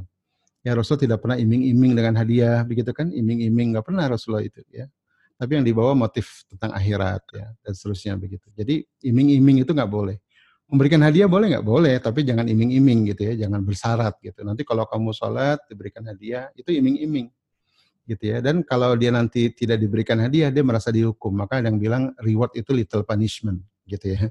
Jadi uh, overstimulus ya, uh, drilling itu bukan dari Islam, termasuk reward and punishment, stick and carrot itu bukan dari Islam, itu dari ilmu Barat yang menganggap manusia itu binatang gitu ya yang hanya beramal ketika dicambuk dan tidak mau ketika sekeret. Dan dibiasakan. Ya seperti ngelatih hewan sirkus begitu ya. Dan anak-anak kita bukan hewan. Anak-anak kita manusia human being. Manusia yang ada fitrahnya yang harus tumbuh dengan paripurna. Ya maka ini dulu disamakan dengan pasangan ya. Bagaimana cara pandang tentang human nature. Maka tadi di awal saya buka kuliah ini dengan Islamic worldview. Cara pandang kita yang salah tentang human nature tentang fitrah salah semua di level praktek begitu ya. Demikian, mudah-mudahan bisa dipahami. Kalau nggak ya, paham juga suaminya ajak coaching dengan saya. Mungkin itu Gratis, jawaban kok. berikutnya ya Ustadz ya. ya nah, mungkin nanti kita bisa uh, dengerin sesinya Ustadz bareng dengan suami ya. Kadang-kadang mungkin ya. biasanya kalau kita yang ngomong mungkin nah, suka betul. ada temboknya gitu ya. Tapi kadang-kadang ya, kalau kadang suami kadang-kadang kalau istri yang ngomong egonya suka keluar gitu ya. Biasa Jadi nanti bisa iya. dengerin yeah. ulang podcastnya bareng Ustadz hari ini yeah, sambil makan mungkin sambil nah, diputerin nggak okay. sengaja gitu yeah. ya Ustadz ya. Yeah, betul. Nah Ustadz nih juga ada pertanyaan yang uh, uh, bagus dan muncul ini Ustadz jika untuk anak dengan kebutuhan khusus yang berbeda tapi hmm. kecerdasannya tidak bermasalah misal ADHD sensory eh, problem disleksia nah hmm. apakah ada perbedaan dalam tahapan operasional ketika kita menerapkan pendidikan berbasis fitrah nah jika ya. memang berbeda pada bagian mana sih Ustadz sebenarnya modifikasinya ya. Oke, okay, terima kasih. Jadi kalau ada anak-anak yang memiliki kebutuhan khusus ya, kalau saya sih beranggapan semua anak berkebutuhan khusus gitu ya. Karena uh, kadang-kadang saya sering temukan beberapa keluarga, misalnya kakaknya uh, anggap tidak berkebutuhan khusus, adiknya berkebutuhan khusus, orang tua lebih sibuk sama adiknya gitu ya. Ternyata kemudian yang sukses malah adiknya. Kakaknya yang baik-baik saja uh, tidak tidak tumbuh dengan baik begitu ya. Jadi anggap saya semua anak berkebutuhan khusus, itu satu. Terus yang kedua, Eh, hal-hal yang sifatnya uh, mengganggu device gitu ya, itu harus selesaikan dulu. Gitu ya, misalnya mata tidak fokus gitu ya. Terus uh, kalau anak disleksia misalnya kemampuan membacanya kan lebih lambat ya, itu selesaikan dulu. Ya bagaimana metode dia agar bisa membaca gitu ya. Itu tapi jangan dengan cara-cara yang dipaksa. Jadi terkait dengan device ini harus selesai dulu ya. ya ibaratnya kalau orang ingin coaching ya maka kalau atlet ya atlet ingin di coach agar menjadi atlet ya maka hal-hal yang sifatnya apa uh, tidak dianggap apa di bawah normal begitu ya itu harus diselesaikan dulu gitu ya. Termasuk misalnya anak-anak yang juga kecepatan gitu ya anak-anak yang memang IQ-nya 130 ke atas begitu ya ini juga dulu anak saya yang pertama juga gitu. Jadi harus direm dia karena dia cep, pahamnya cepat kalau sudah paham uh, bikin ulah ganggu temennya gitu ya ini juga mesti direm gitu Nah ini uh, beberapa hal yang memang juga nanti pendekatan harus pendekatan fitrah juga ya. Jadi tidak tergesa, tidak tadi pakai cara-cara. Saya lihat banyak terapis juga pakai cara-cara yang memang anak-anak kita sembuh tapi meninggalkan luka begitu ya. Ini juga perlu dipilih terapis-terapis yang memang memahami konsep fitrah. Ya misalnya anak yang specs delay itu ada ada sesuatu yang anak-anak dipaksa gitu ya dan kemudian dia memang bisa ngomong tapi kemudian setelah bisa ngomong PD-nya anjlok gitu ya. Percaya dirinya rusak, konsep dirinya rusak begitu. Itu metode-metode barat banyak uh, melakukan itu ya, dia menyelesaikan masalah tapi meninggalkan uh, apa residu begitu ya. Sama kayak orang orang cancer dioperasi gitu ya dengan cara dibakar, dikasih kem, dia dia nampaknya sembuh tapi meninggalkan uh, bekas. Itu itu metode-metode barat ya. Nah, ini kita perlu uh, apa perlu lebih fitri dalam menyelesaikan hal-hal uh, yang sifatnya uh, normalisasi gitu ya sebelum nanti naturalisasi. Memang ada ada perbedaan-perbedaan uh, di hal ini. Anak-anak misalnya yang tangannya nggak bisa dikontrol gitu ya atau matanya tidak fokus itu diselesaikan dulu gitu kan. Nah, ini perlu terapi tentunya. Baru nanti baru masuk ke dalam jalur ini. Nah, tahapan yang tadi saya sebut 06, 7, 10, 11, 14 itu tahapan ideal ya kadang-kadang tiap anak ada yang lebih lambat dan lebih cepat itu ya nggak ada masalah sebenarnya ya sepanjang nanti goalsnya sama yaitu mukallaf gitu ya bahkan kalau mohon maaf ya anak-anak yang memang IQ-nya di bawah 40 itu tidak tidak harus mukallaf kan karena eh, tidak jatuh kewajiban muslim kan. Kalau dia memang eh, parah betul begitu ya itu tidak tidak jatuh kewajiban dia untuk walaupun tetap ya dia diberikan peran diberikan peran. Di Jepang anak-anak yang autisnya sampai derajat parah itu ya dan nggak eh, tidak bisa sembuh memang cuman di apa diperbaiki yang tadinya tidak bisa diam jadi bisa diam itu tetap dikasih peran ya misalnya mengurus sawah gitu ya mengurus perkebunan ya, saya kenal ada seorang anak namanya Tommy ya Tomo eh, eh, itu eh, ibunya Sari Okano juga ada bukunya dan sering isi seminar bagaimana dia uh, merawat anaknya yang autis. Jadi autisnya ini autis yang memang uh, apa ya uh, lumayan parah begitu. Sekarang umurnya sudah Tomo ini kalau nggak salah 20-an gitu ya. Dan dia dapat di Jepang itu anak-anak uh, autis yang itu dikasih kesempatan untuk uh, berkebun gitu ya, dibayar begitu. Jadi dikasih peran gitu karena setiap manusia pada dasarnya memiliki peran. Jadi jangan khawatir ya Bunda, setiap anak pasti punya peran istimewa di masa depan ya. Mungkin juga pernah nonton filmnya Temple Grandin ya. Temple Grandin juga seorang autis Asperger syndrome. Sampai dia besar uh, autisnya tidak tidak berubah, dia tetap autistik gitu ya. Tapi kemudian kemampuan bicaranya, adabnya itu juga pelan-pelan diperbaiki oleh orang tuanya gitu ya. Tapi dengan dengan lebih kesabaran. Sekarang Temple Grandin bahkan jadi PhD ya, uh, profesor doktor dia Asperger syndrome. Asperger syndrome itu kemudian jadi orang yang sangat mampu mengenali hewan ya, dengan baik Ya, dia sekarang dua per tiga kandang di Amerika yang desain begitu. Itu karena dia bilang karena kesabaran ibu saya. Dan saya banyak melihat anak-anak sukses itu uh, apa pun kondisinya karena kesabaran ibu biasanya. Ya, dan juga uh, ketangguhan ayah. Kadang-kadang ayah kan nggak tangguh juga ya, cepat menyerah begitu, tidak mau terlibat gitu dan seterusnya. Makanya yang sering bilang tadi kalau ibu lebay, kalau ayah lalai begitu. Maka ini harus disinkronkan.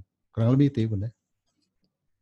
Gitu. Baik Ustadz, uh, semoga menjawab tadi pertanyaannya. Yeah. Nah, uh, selanjutnya nih Ustadz, nah tadi kan kita juga bahas mengenai uh, mengenai tahapan-tahapan usia tadi ya Ustadz ya. Yeah. Nah, tapi bagaimana nih Ustadz, mungkin uh, dari jamaah pada pagi hari ini juga usia anaknya berbeda-beda gitu ya. Ada yang yeah. anaknya juga sudah di atas 10 tahun. Nah, ini Ustadz kalau misalnya memang dari tahapan ini tadi ternyata ada yang terlewat. Jadi pada saat usia 10 hmm. tahun ternyata belum tumbuh kecintaannya terhadap uh, apa namanya ibadah, belum tumbuh hmm. kecintaannya terhadap Allah. Nah, itu bagaimana Ustadz apabila memang si usia uh, tahapannya tuh secara usia sudah terlewat?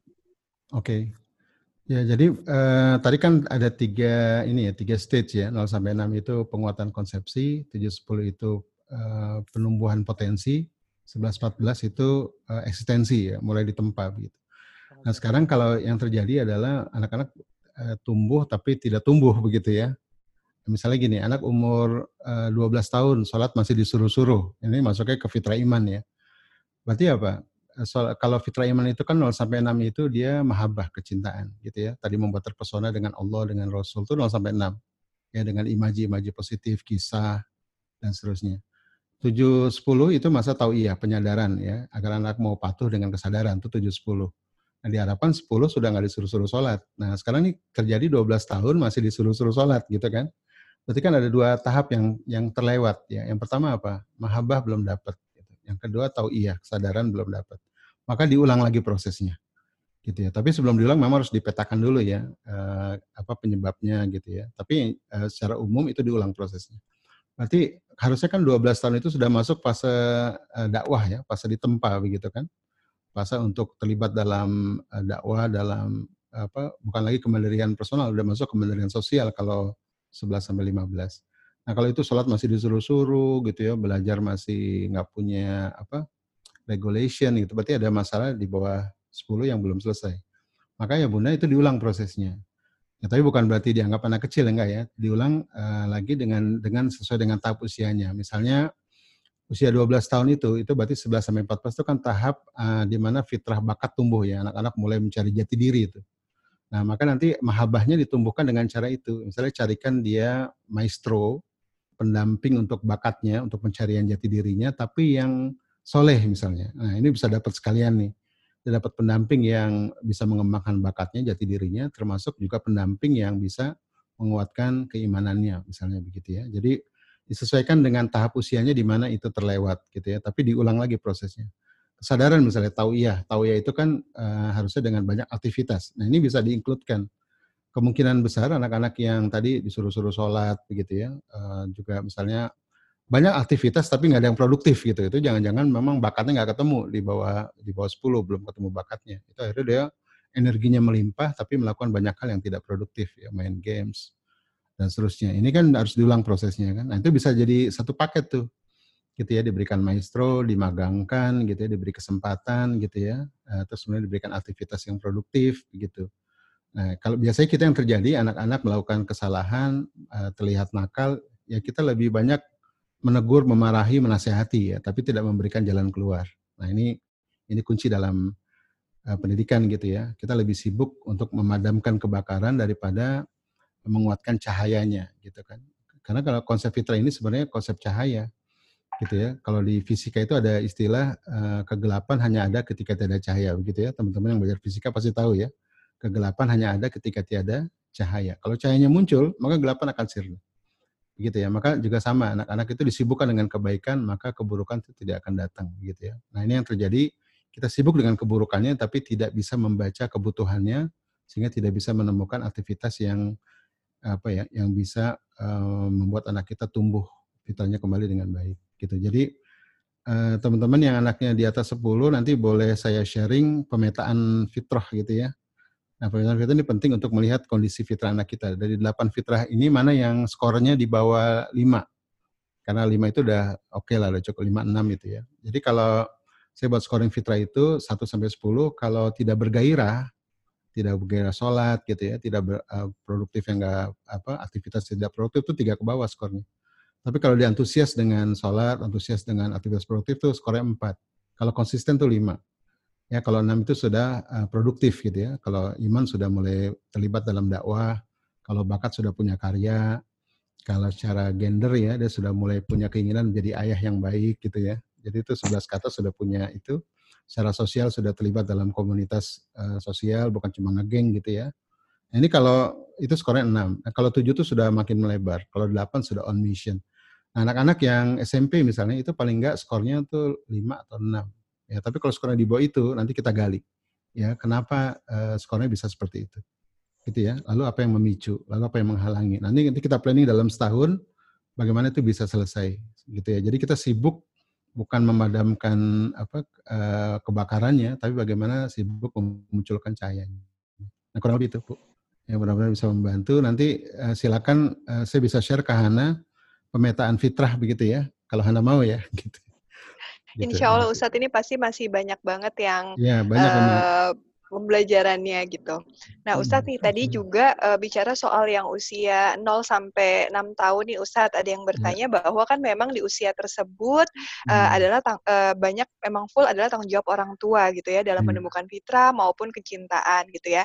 Tapi bagaimana soal mengajarkan sosialisasi kepada sekitar gitu ya?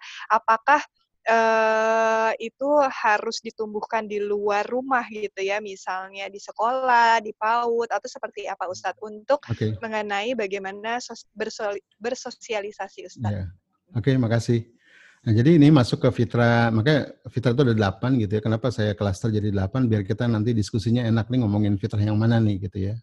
Kalau bicara sosialitas, itu berarti bicara fitrah individualitas dan sosialitas. Jadi saya jadikan satu tuh individualitas dan sosialitas. 0 sampai 6 itu sebenarnya bahkan sampai 10 lebih kepada penguatan individualitas sebelum masuk ke sosialitas gitu ya. Makanya teman ayah bunda mungkin tahu ya di bawah tujuh anak-anak tuh have no idea about rules ya, nggak bisa aturan kan. Dan kita juga ingat dulu waktu kita kecil baru bisa main games itu di atas tujuh kan, ya kan, baru bisa main tak umpet, main galasin ya. Eh, di bawah tujuh tuh belum bisa aturan yang rumit. Bahkan main tak umpet aja bisa apa ya, bisa uh, apa ya, uh, yang ngumpet malah apa ya, malah dicari begitu ya. Nah itu kan sering terjadi begitu.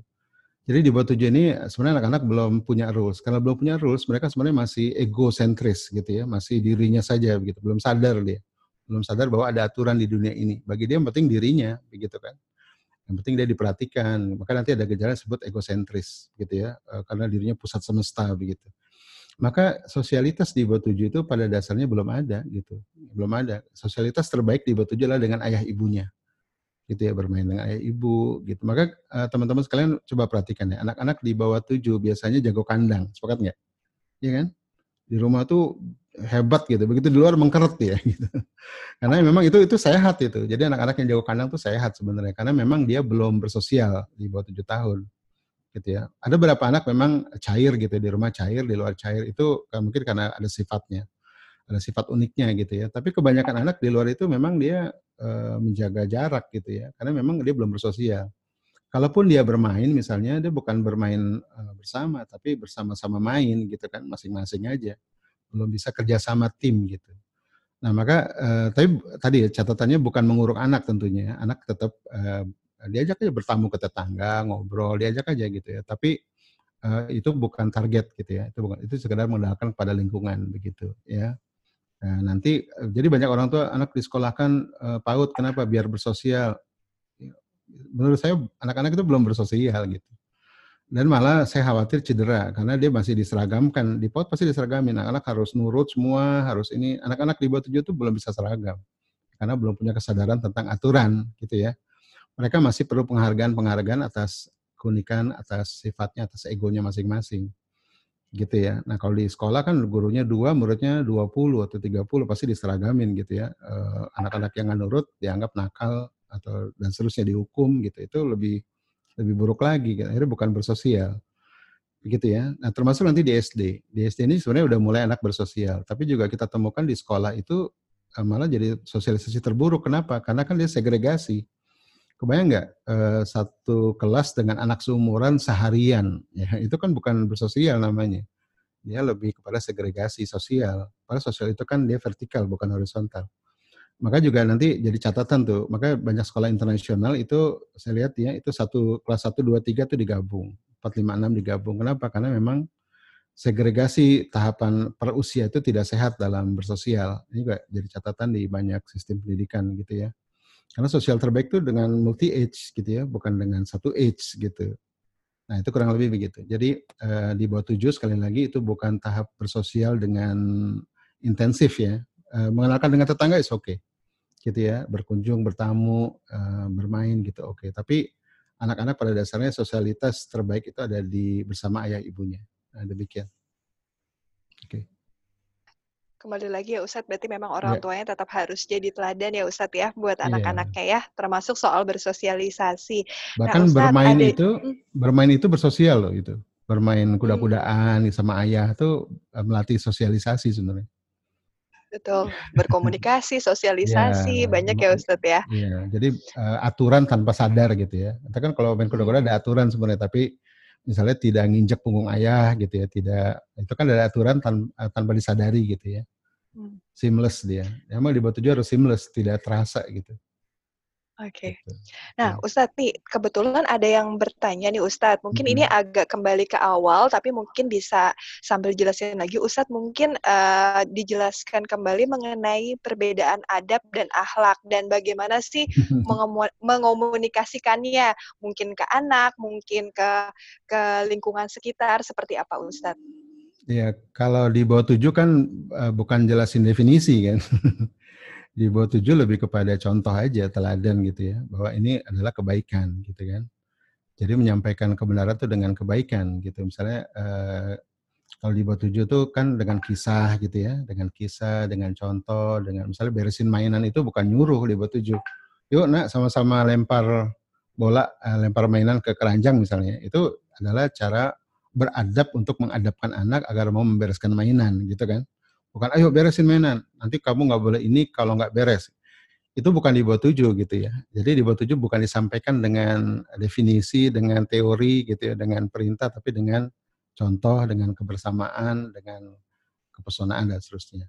Nah, tujuh sepuluh itu adab mulai masuk sebagai perintah sekaligus sebagai kesadaran. Jadi disampaikan Nah, disebut adab tuh ini loh, nak gitu ya. Adab itu bukan hanya etika misalnya. Adab itu ada adab kepada Allah, ada adab kepada makhluk, ada adab kepada teman, itu adab. Gitu ya. Maka nanti tujuh kan mulai diperintah sholat ya. Anak-anak juga mesti secara kognitif disampaikan knowledge-nya.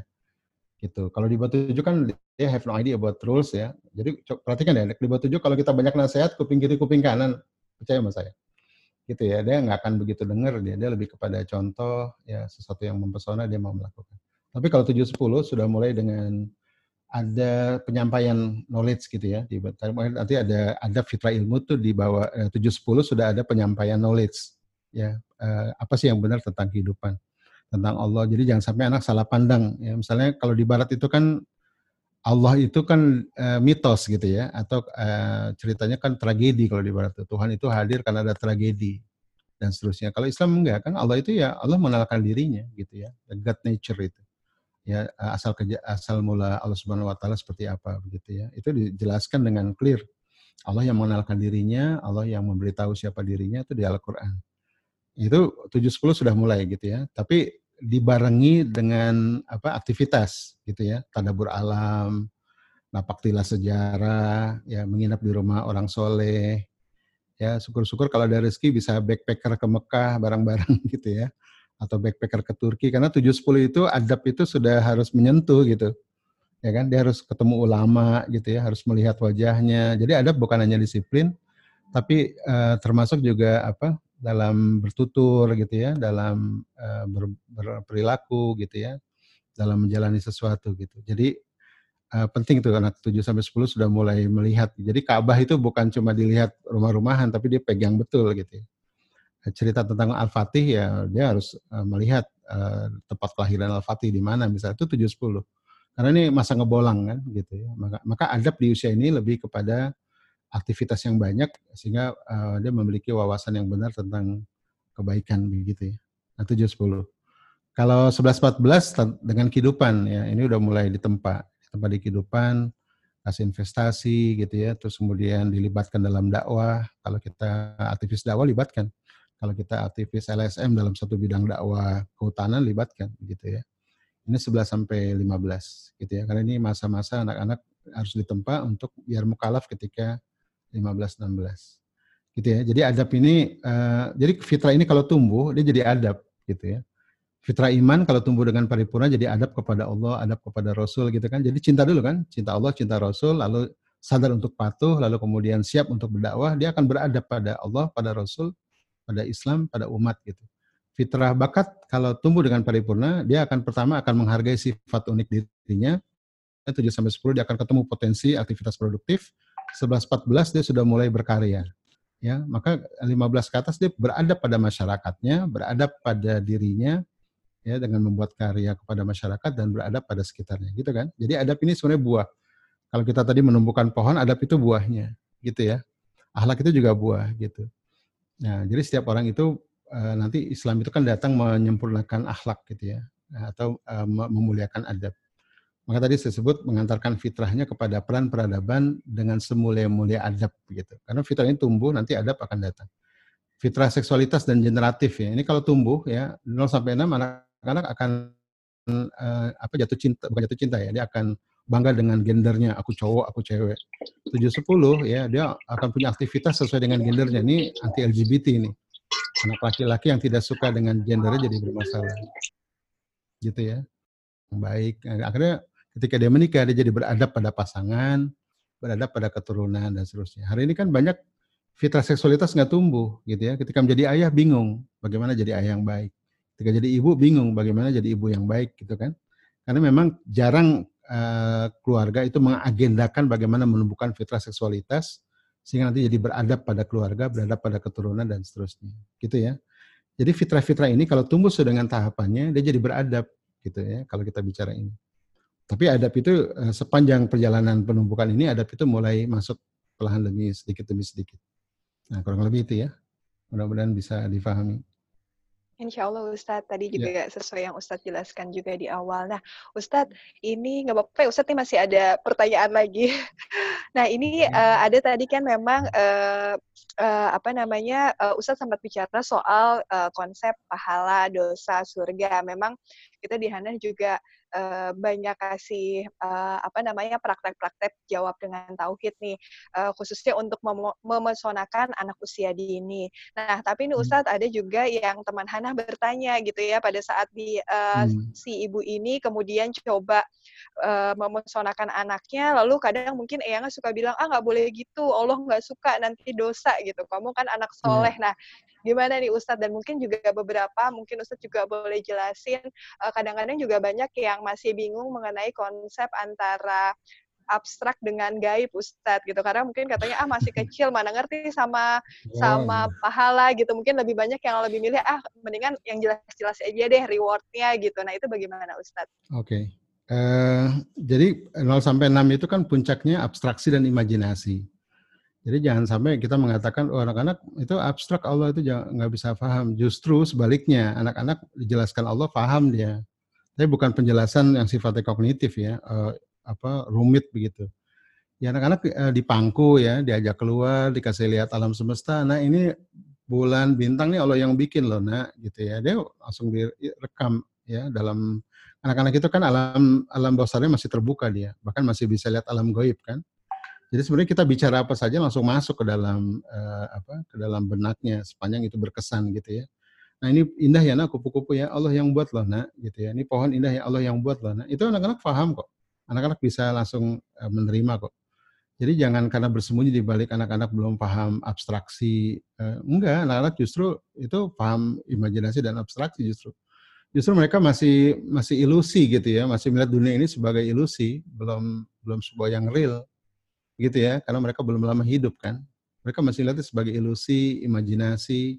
Maka yang perlu dikuatkan tuh imajinasi. Kenapa banyak eh, pakar meminta kita untuk menye- apa banyak bermain gitu ya, banyak membacakan kisah. Ini kan karena intinya agar anak-anak itu eh, apa karena dia masih imajinatif dan abstraktif termasuk permainan ya permainan-permainan mereka permainan imajinatif dan abstraktif nah kita sering kali kebanyakan kognitifnya gitu karena sepanjang kita sekolah ya kan sepanjang kita sekolah kan kita selalu berpikir eh, anak-anak diajarkan gitu ya semua serba diajarkan semua serba kognitif Nah, jadi banyak hal yang seperti adab gitu ya misalnya sabar tuh adab kan sabar syukur berani itu ada, tapi nggak selalu bisa diajarkan dalam bentuk kata-kata kan gitu ya, dalam bentuk malah eh, aktivitas.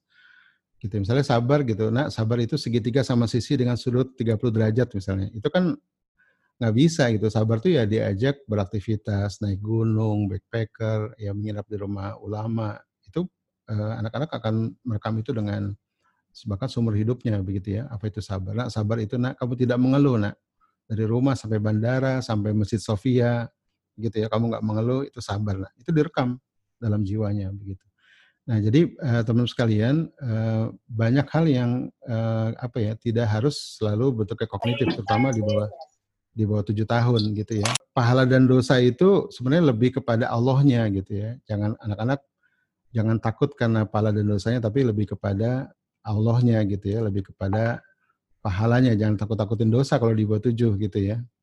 Gitu. Jadi memang uh, di Quran sendiri kan uh, justru yang yang masuk surga itu yang pahalanya banyak. Yang masuk neraka yang pahalanya sedikit. Kalau dosa udah nggak usah diukur gitu ya. Makanya anak-anak harus uh, berpacu dengan pahala gitu kan uh, waman uh, sakulat mawazinuhu fahuwa fi syatirodiyah siapa yang berat timbangannya pahalanya dia akan masuk surga gitu kan Barang siapa yang ringan pahalanya, dia akan masuk neraka. Jadi neraka itu karena ringan pahalanya, gitu ya, bukan karena kalau dosa nggak usah dipikirin gitu ya. Masih siapa pun pasti berdosa. Maka anak-anak harus berpikir pahala, gitu ya. Bagaimana uh, pahala itu banyak, gitu ya. Bagaimana amal itu semakin banyak. Kalau salah ya wajar, gitu ya. Jadi konsep-konsep itu yang mesti ditanamkan. Jadi uh, saya banyak menemukan ada video-video uh, cerita anak anak lebih berdoa karena takut setan gitu ya. Kenapa sih berdoa sebelum tidur biar uh, nanti tidak digoda setan? Kenapa sih doa bangun tidur biar uh, tidak dikencingi setan? Jadi anak-anak berdoa itu lebih takut setannya daripada Allahnya gitu. Nah, ini harus dibalik ya. Allah lah yang segalanya gitu ya. Allah yang harus jadi uh, apa yang utama dalam hidupnya begitu ya. Nah gitu. Termasuk juga jadi jangan khawatir. Allah kan abstrak nggak bisa dilihat. Jangan khawatir. Anak-anak udah paham kok. Bahkan konsep konsep yang misalnya ayah tadi duduk di sini, sekarang ayah nggak ada karena di kantor. Anak paham itu, gitu kan? Nah, yang problem adalah apa? Di bawah tujuh tahun kita terlambat untuk mengenalkan Allah. Itu itu problem. Nanti di atas tujuh tahun ketika logikanya sudah mulai berkembang, dia akan bertanya gitu ya, Allah tuh di mana sih rumahnya? Berapa sih tangannya? Nah ini terjadi bentrokan antara akal yang sudah tumbuh dengan baik dengan iman yang belum tumbuh dengan baik di bawah tujuh tahun. Maka uh, kalau di fitrah based education itu puncak keimanan itu ya masa emas mendidik keimanan tuh di bawah tujuh tahun. Ini puncak uh, fondasi mendidik keimanan itu di bawah tujuh. Karena fitrah itu sendiri kan tauhid tadi, maka tauhid itu harus dikuatkan di bawah tujuh. Ya, tauhid rububiyah tadi yang di alam ruh itu alastubi rabbikum, kalau bala syaitna, rububiyatullah itu dikuatkan di bawah tujuh. Ya, diawali dengan menyusui gitu, selama dua tahun, kemudian mengenalkan Allah, terus begitu. Maka masa emas dalam konsep fitrah itu uh, golden age ya, itu tidak ada semua tahap itu golden age, tapi untuk fitrah iman itu 0 sampai 6 atau di bawah 7. Golden age untuk fitrah belajar karena mulai kognitif itu 7 sampai 10. Masa emas untuk bakat ya, untuk uh, produktivitas itu uh, eh, 11 sampai 15. Jadi semua masa dalam pendidikan itu masa emas, tergantung fitrah yang mana. Gitu ya. Jadi kalau fitrah based education itu menolak uh, masa emas lima tahun pertama saja, karena semua masa itu masa emas. Dan di bawah tujuh tahun itu bukan masa emas bagi kepintaran, tapi masa emas bagi keimanan. Ya dengan cara membuat anak terpesona dengan dengan Allah, dengan Rasul, membuat mereka mahabbah, jatuh cinta dan seterusnya, gitu ya. Oke. Okay. Uh, pertanyaan terakhir nih mungkin Ustadz yeah. sebelum kita penutup, Pak Col ini pertanyaannya luar biasa, ibu-ibu ini konsentrasi yeah. dari keren, awal keren. gitu ya, uh, dan uh, tapi yang mesti dibenahi memang cara pandang dulu ya. Uh. Betul Ustadz. Ustadz nih pertanyaan terakhir mungkin uh, ada yang bertanya Ustadz ini ke bagaimana kalau saya yang sebagai uh, uh, berkarir atau berkantor gitu ya. hmm. ya nah sedangkan uh, usianya kan memang anak-anak uh, uh, terutama yang di bawah usia tujuh tahun adalah uh, menjadi teladan nah tapi mungkin ini kondisinya juga kalau saya tambahkan Ustadz mungkin juga buat ibu-ibu misalnya yang mungkin anaknya banyak atau mungkin justru ayahnya yang mungkin secara uh, waktu lebih banyak di kantor atau nah ini sepertinya lebih ke terkait manajemen waktu dan relevansinya sebagai orang tua sebagai teladan nih Ustadz. Bagaimana ya. Ustadz? Ya. ya, saya tidak memungkiri ya. Biasanya hari ini suami istri bekerja bahkan gitu ya, atau uh, apa suami bekerja, biasa keluarga muda gitu ya, tanpa warisan sudah pasti tinggal di pinggiran ya. uh, Citayam, Bojong, Tangsel begitu ya, dan harus berangkat gelap, pulang gelap begitu ya. Ini biasa jadi masalah kan, kasus-kasus anak gagal asuh, gagal didik itu karena fatherless. Dari fatherless kemudian bergerak jadi motherless gitu ya. Karena ayah tidak hadir, maka ibu ambil peran ayah. Gitu kan? Karena ibu ambil peran ayah, maka ibu jadi tergerus fitrah keibuannya jadi keayahan begitu kan? Karena ibu jadi keayahan, maka lahirlah para suami takut istri gitu. Jadi siklus kezaliman gitu kan. Nah ini kan jadi problem bersama sebenarnya. Saya tidak menyalahkan memang kita pada kondisi hari ini demikian gitu ya. Tapi uh, berapa pakar men, uh, memang menyarankan begini, uh, para ayah carilah nafkah lebih smart gitu ya, biar waktunya lebih banyak bersama anak dan pendapatannya lebih besar. Gimana caranya? Pikirkan sendiri gitu. Ini jadi nanti strategi ke depan gitu ya, karena memang ini kondisi tidak ideal ketika ayah atau ayah ibu meninggalkan anak. Tapi uh, kemudian bagaimana mengatasi selama proses ini misalnya kan tidak mungkin begitu ya. Nah ini kalau misalnya ayah terlalu sibuk, maka tiada cara lain kecuali cari ayah lagi begitu. Tapi bukan nikah lagi ya, cari ayah lagi maksudnya cari sosok ayah untuk anak. Karena 0 sampai 6 itu sosok ayah ibu harus hadir dengan lengkap. Ini kalau kita baca siroh, kita perhatikan bahkan sampai 15 tahun Rasulullah SAW itu selalu mendapat sosok ayah dan ibu. Waktu 0 sampai 6 tahun Rasulullah dapat sosok ayah dari dan ibu dari uh, Halimatus saja dan suaminya. Ya waktu uh, di keluarga besar Rasulullah dapat sosok ayah ibu dari kakeknya dan Ummu Aiman waktu di menjelang akil balik ya Rasulullah mendapat sosok ayah dari pamannya Abu, Abu Talib dan istrinya ya Fatimah istri Abu Talib. Jadi Rasulullah ini uh, selalu mendapat sosok ayah ibu lengkap dari sejak lahir sampai uh, 15 mukalaf walaupun ayah ibunya wafat begitu. Maka ini penting ya menghadirkan ayah dan ibu ini. Maka tadi ya kalau misalnya ayah terlalu sibuk ya harus cari sosok ayah gitu ya karena ini penting untuk penguatan uh, identitas gender salah satunya begitu.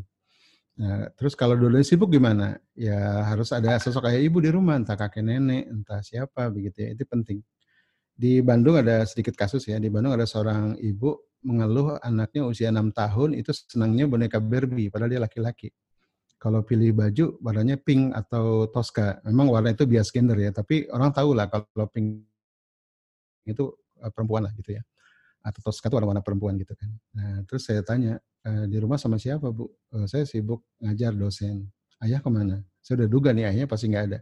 Oh ayah lagi di Jepang, udah lima tahun belum pulang. Berarti kebayang ya, ayahnya sudah tidak bersama anaknya sejak usia satu tahun. Sekarang kan enam tahun. Nah, terus saya bilang di rumah sama siapa lagi? Sama nenek sama siapa lagi? Sama adik saya tiga orang. Kakek ke mana? Kakek sudah meninggal. Adik bunda yang tiga orang laki perempuan, perempuan semua. Saya bilang pas ya, anak laki-laki yang kebanyakan lingkungan perempuan, jadi perempuan dia gitu. Nah jadi penting nih ayah ibu untuk hadir bukan hanya tadi aspek keteladanan, tapi juga sosok identitas gender gitu ya, ini penting. Juga dalam keimanan nih, ayah itu kan dalam keimanan dia pembentuk uh, tadi ya keberanian, ya terus ketegasan, hitam putih itu ayah. Kalau bunda tuh pembangun hati ya, eh, dalam keimanan, pembangun jiwa tuh bunda. Ya bagaimana anak itu jadi sensitif sama Allah, ya jadi peka itu bunda. Kalau ayah itu anak-anak bagaimana memandang apa kebenaran itu sebagai satu yang hitam putih itu ayah. Jadi ayah kan memang uh, bicara right or wrong gitu ya, true or false tuh ayah begitu. Nah jadi uh, ini perlu dibuat strategi ya, bagaimana caranya. Atau nanti mungkin komunitas sana bikin kegiatan yang bisa saling menitipkan gitu ya, jadi uh, ayah ibu yang sibuk misalnya uh, anak-anaknya bisa titipkan sama komunitas. Tapi nanti satu minggu kalau sudah di rumah anak-anaknya uh, gantian ayah ibu yang tadi bekerja nitipin anak teman-teman. Jadi yang teman-teman yang lain bisa apa bisa punya me time lagi dengan pasangannya. Ya, dengan anak-anaknya bisa titipkan dengan komunitas.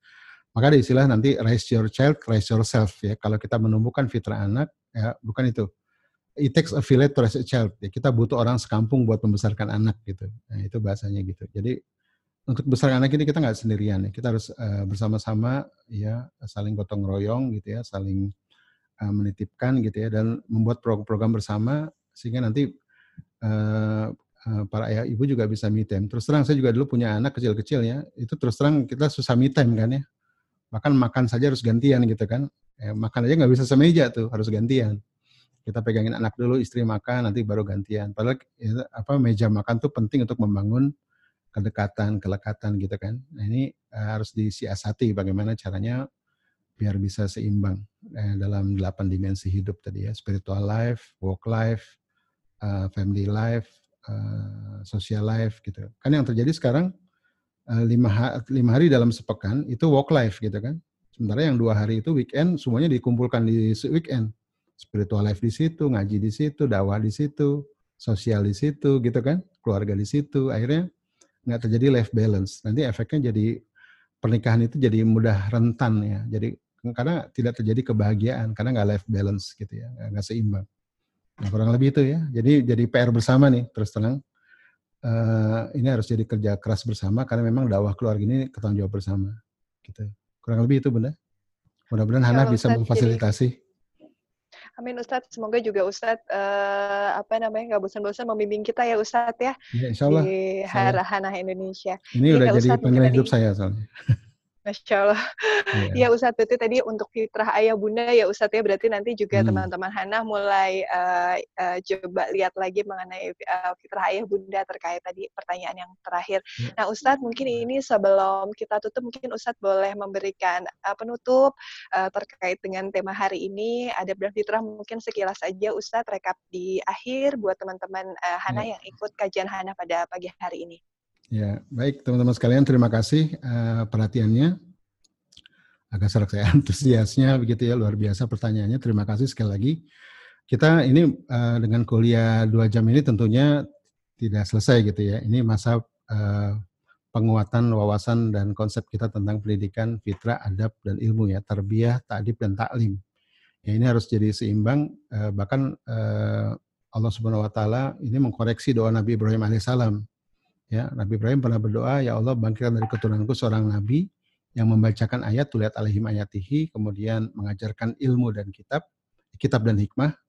Yang ketiga, uh, kemudian baru mensucikan ya, sama Allah di doanya di, dikoreksi di surat uh, Jumu'ah di awal ya. Waladhi ba'atha fil umina rasulah yatu alaihim ayatihi, membacakan ayat, wa yuzakkihim, tazkiyah, baru yu'alim. Jadi tahapannya tazkiyah dulu nih, baru yu'alim. Nah tazkiyah ini setelah saya dalami itu ternyata isinya tarbiyah dan takdib, fitrah dan adab. Gitu ya. Nah ini fitrah dan adab ini sebenarnya dua hal yang berkaitan bukan berbeda. Fitrah ini kan tadi benih ya, fondasi dia. Adab ini akan mudah masuk ya ketika fitrah ini tumbuh dengan baik. Ya, maka tadi saya buat tahapannya biar teman-teman jangan tergesa gitu, juga jangan lalai gitu ya. Karena memang nanti musuh dari pendidikan ini dua, kalau nggak lebay, lalai. Kalau nggak kecepatan, obsesif. Kalau nggak uh, lalai karena pesimis dan seterusnya. Jadi harus tetap optimis, harus tetap rileks, harus memahami tahapan yang benar, Ya, ibaratnya kita nanam pohon ya, Bapak Ibu sekalian mungkin pernah nanam pohon di rumah, apalagi sekarang lagi stay at home mungkin mulai coba-coba tanam cabai begitu ya atau tanam pohon. Nanti kita lihat, bu, semua ada tahapan ya, ada tahap menyemai, ada tahap untuk uh, menaruh di apa di tempat yang lebih keras gitu ya, ada tahap untuk uh, mulai disiapkan untuk berbuah gitu. Ini masing-masing ada tahapannya. Kalau tergesa membusuk akarnya, ya. Kalau terlewat juga tidak tumbuh dengan baik gitu ya. Nah ini penting untuk memahami tahapan ini, maka jangan jadi carpenter tapi jadi gardener dan fahami bahwa fitrah, adab dan ilmu adalah satu satu keselarasan yang saling terkait ya dan uh, harus uh, selaras dalam menumbuhkan. Ya sebagai penutup saya ingin mengutip ucapan seorang ulama ya seorang sufi ucapannya menarik deraskan maknamu bukan tinggikan suara karena hujanlah yang akan menumbuhkan bunga-bunga bukan petir dan guruhnya. Saya ulangi lagi ya, deraskan maknamu bukan tinggikan suara. Karena hujanlah akan menumbuhkan bunga-bunga, bukan petir dan guruhnya. Alhamdulillah, jazakumullah khairan jaza. Semoga bermanfaat. Eh, terus sehat walafiat dalam dengan Allah Subhanahu wa taala. Assalamualaikum warahmatullahi wabarakatuh.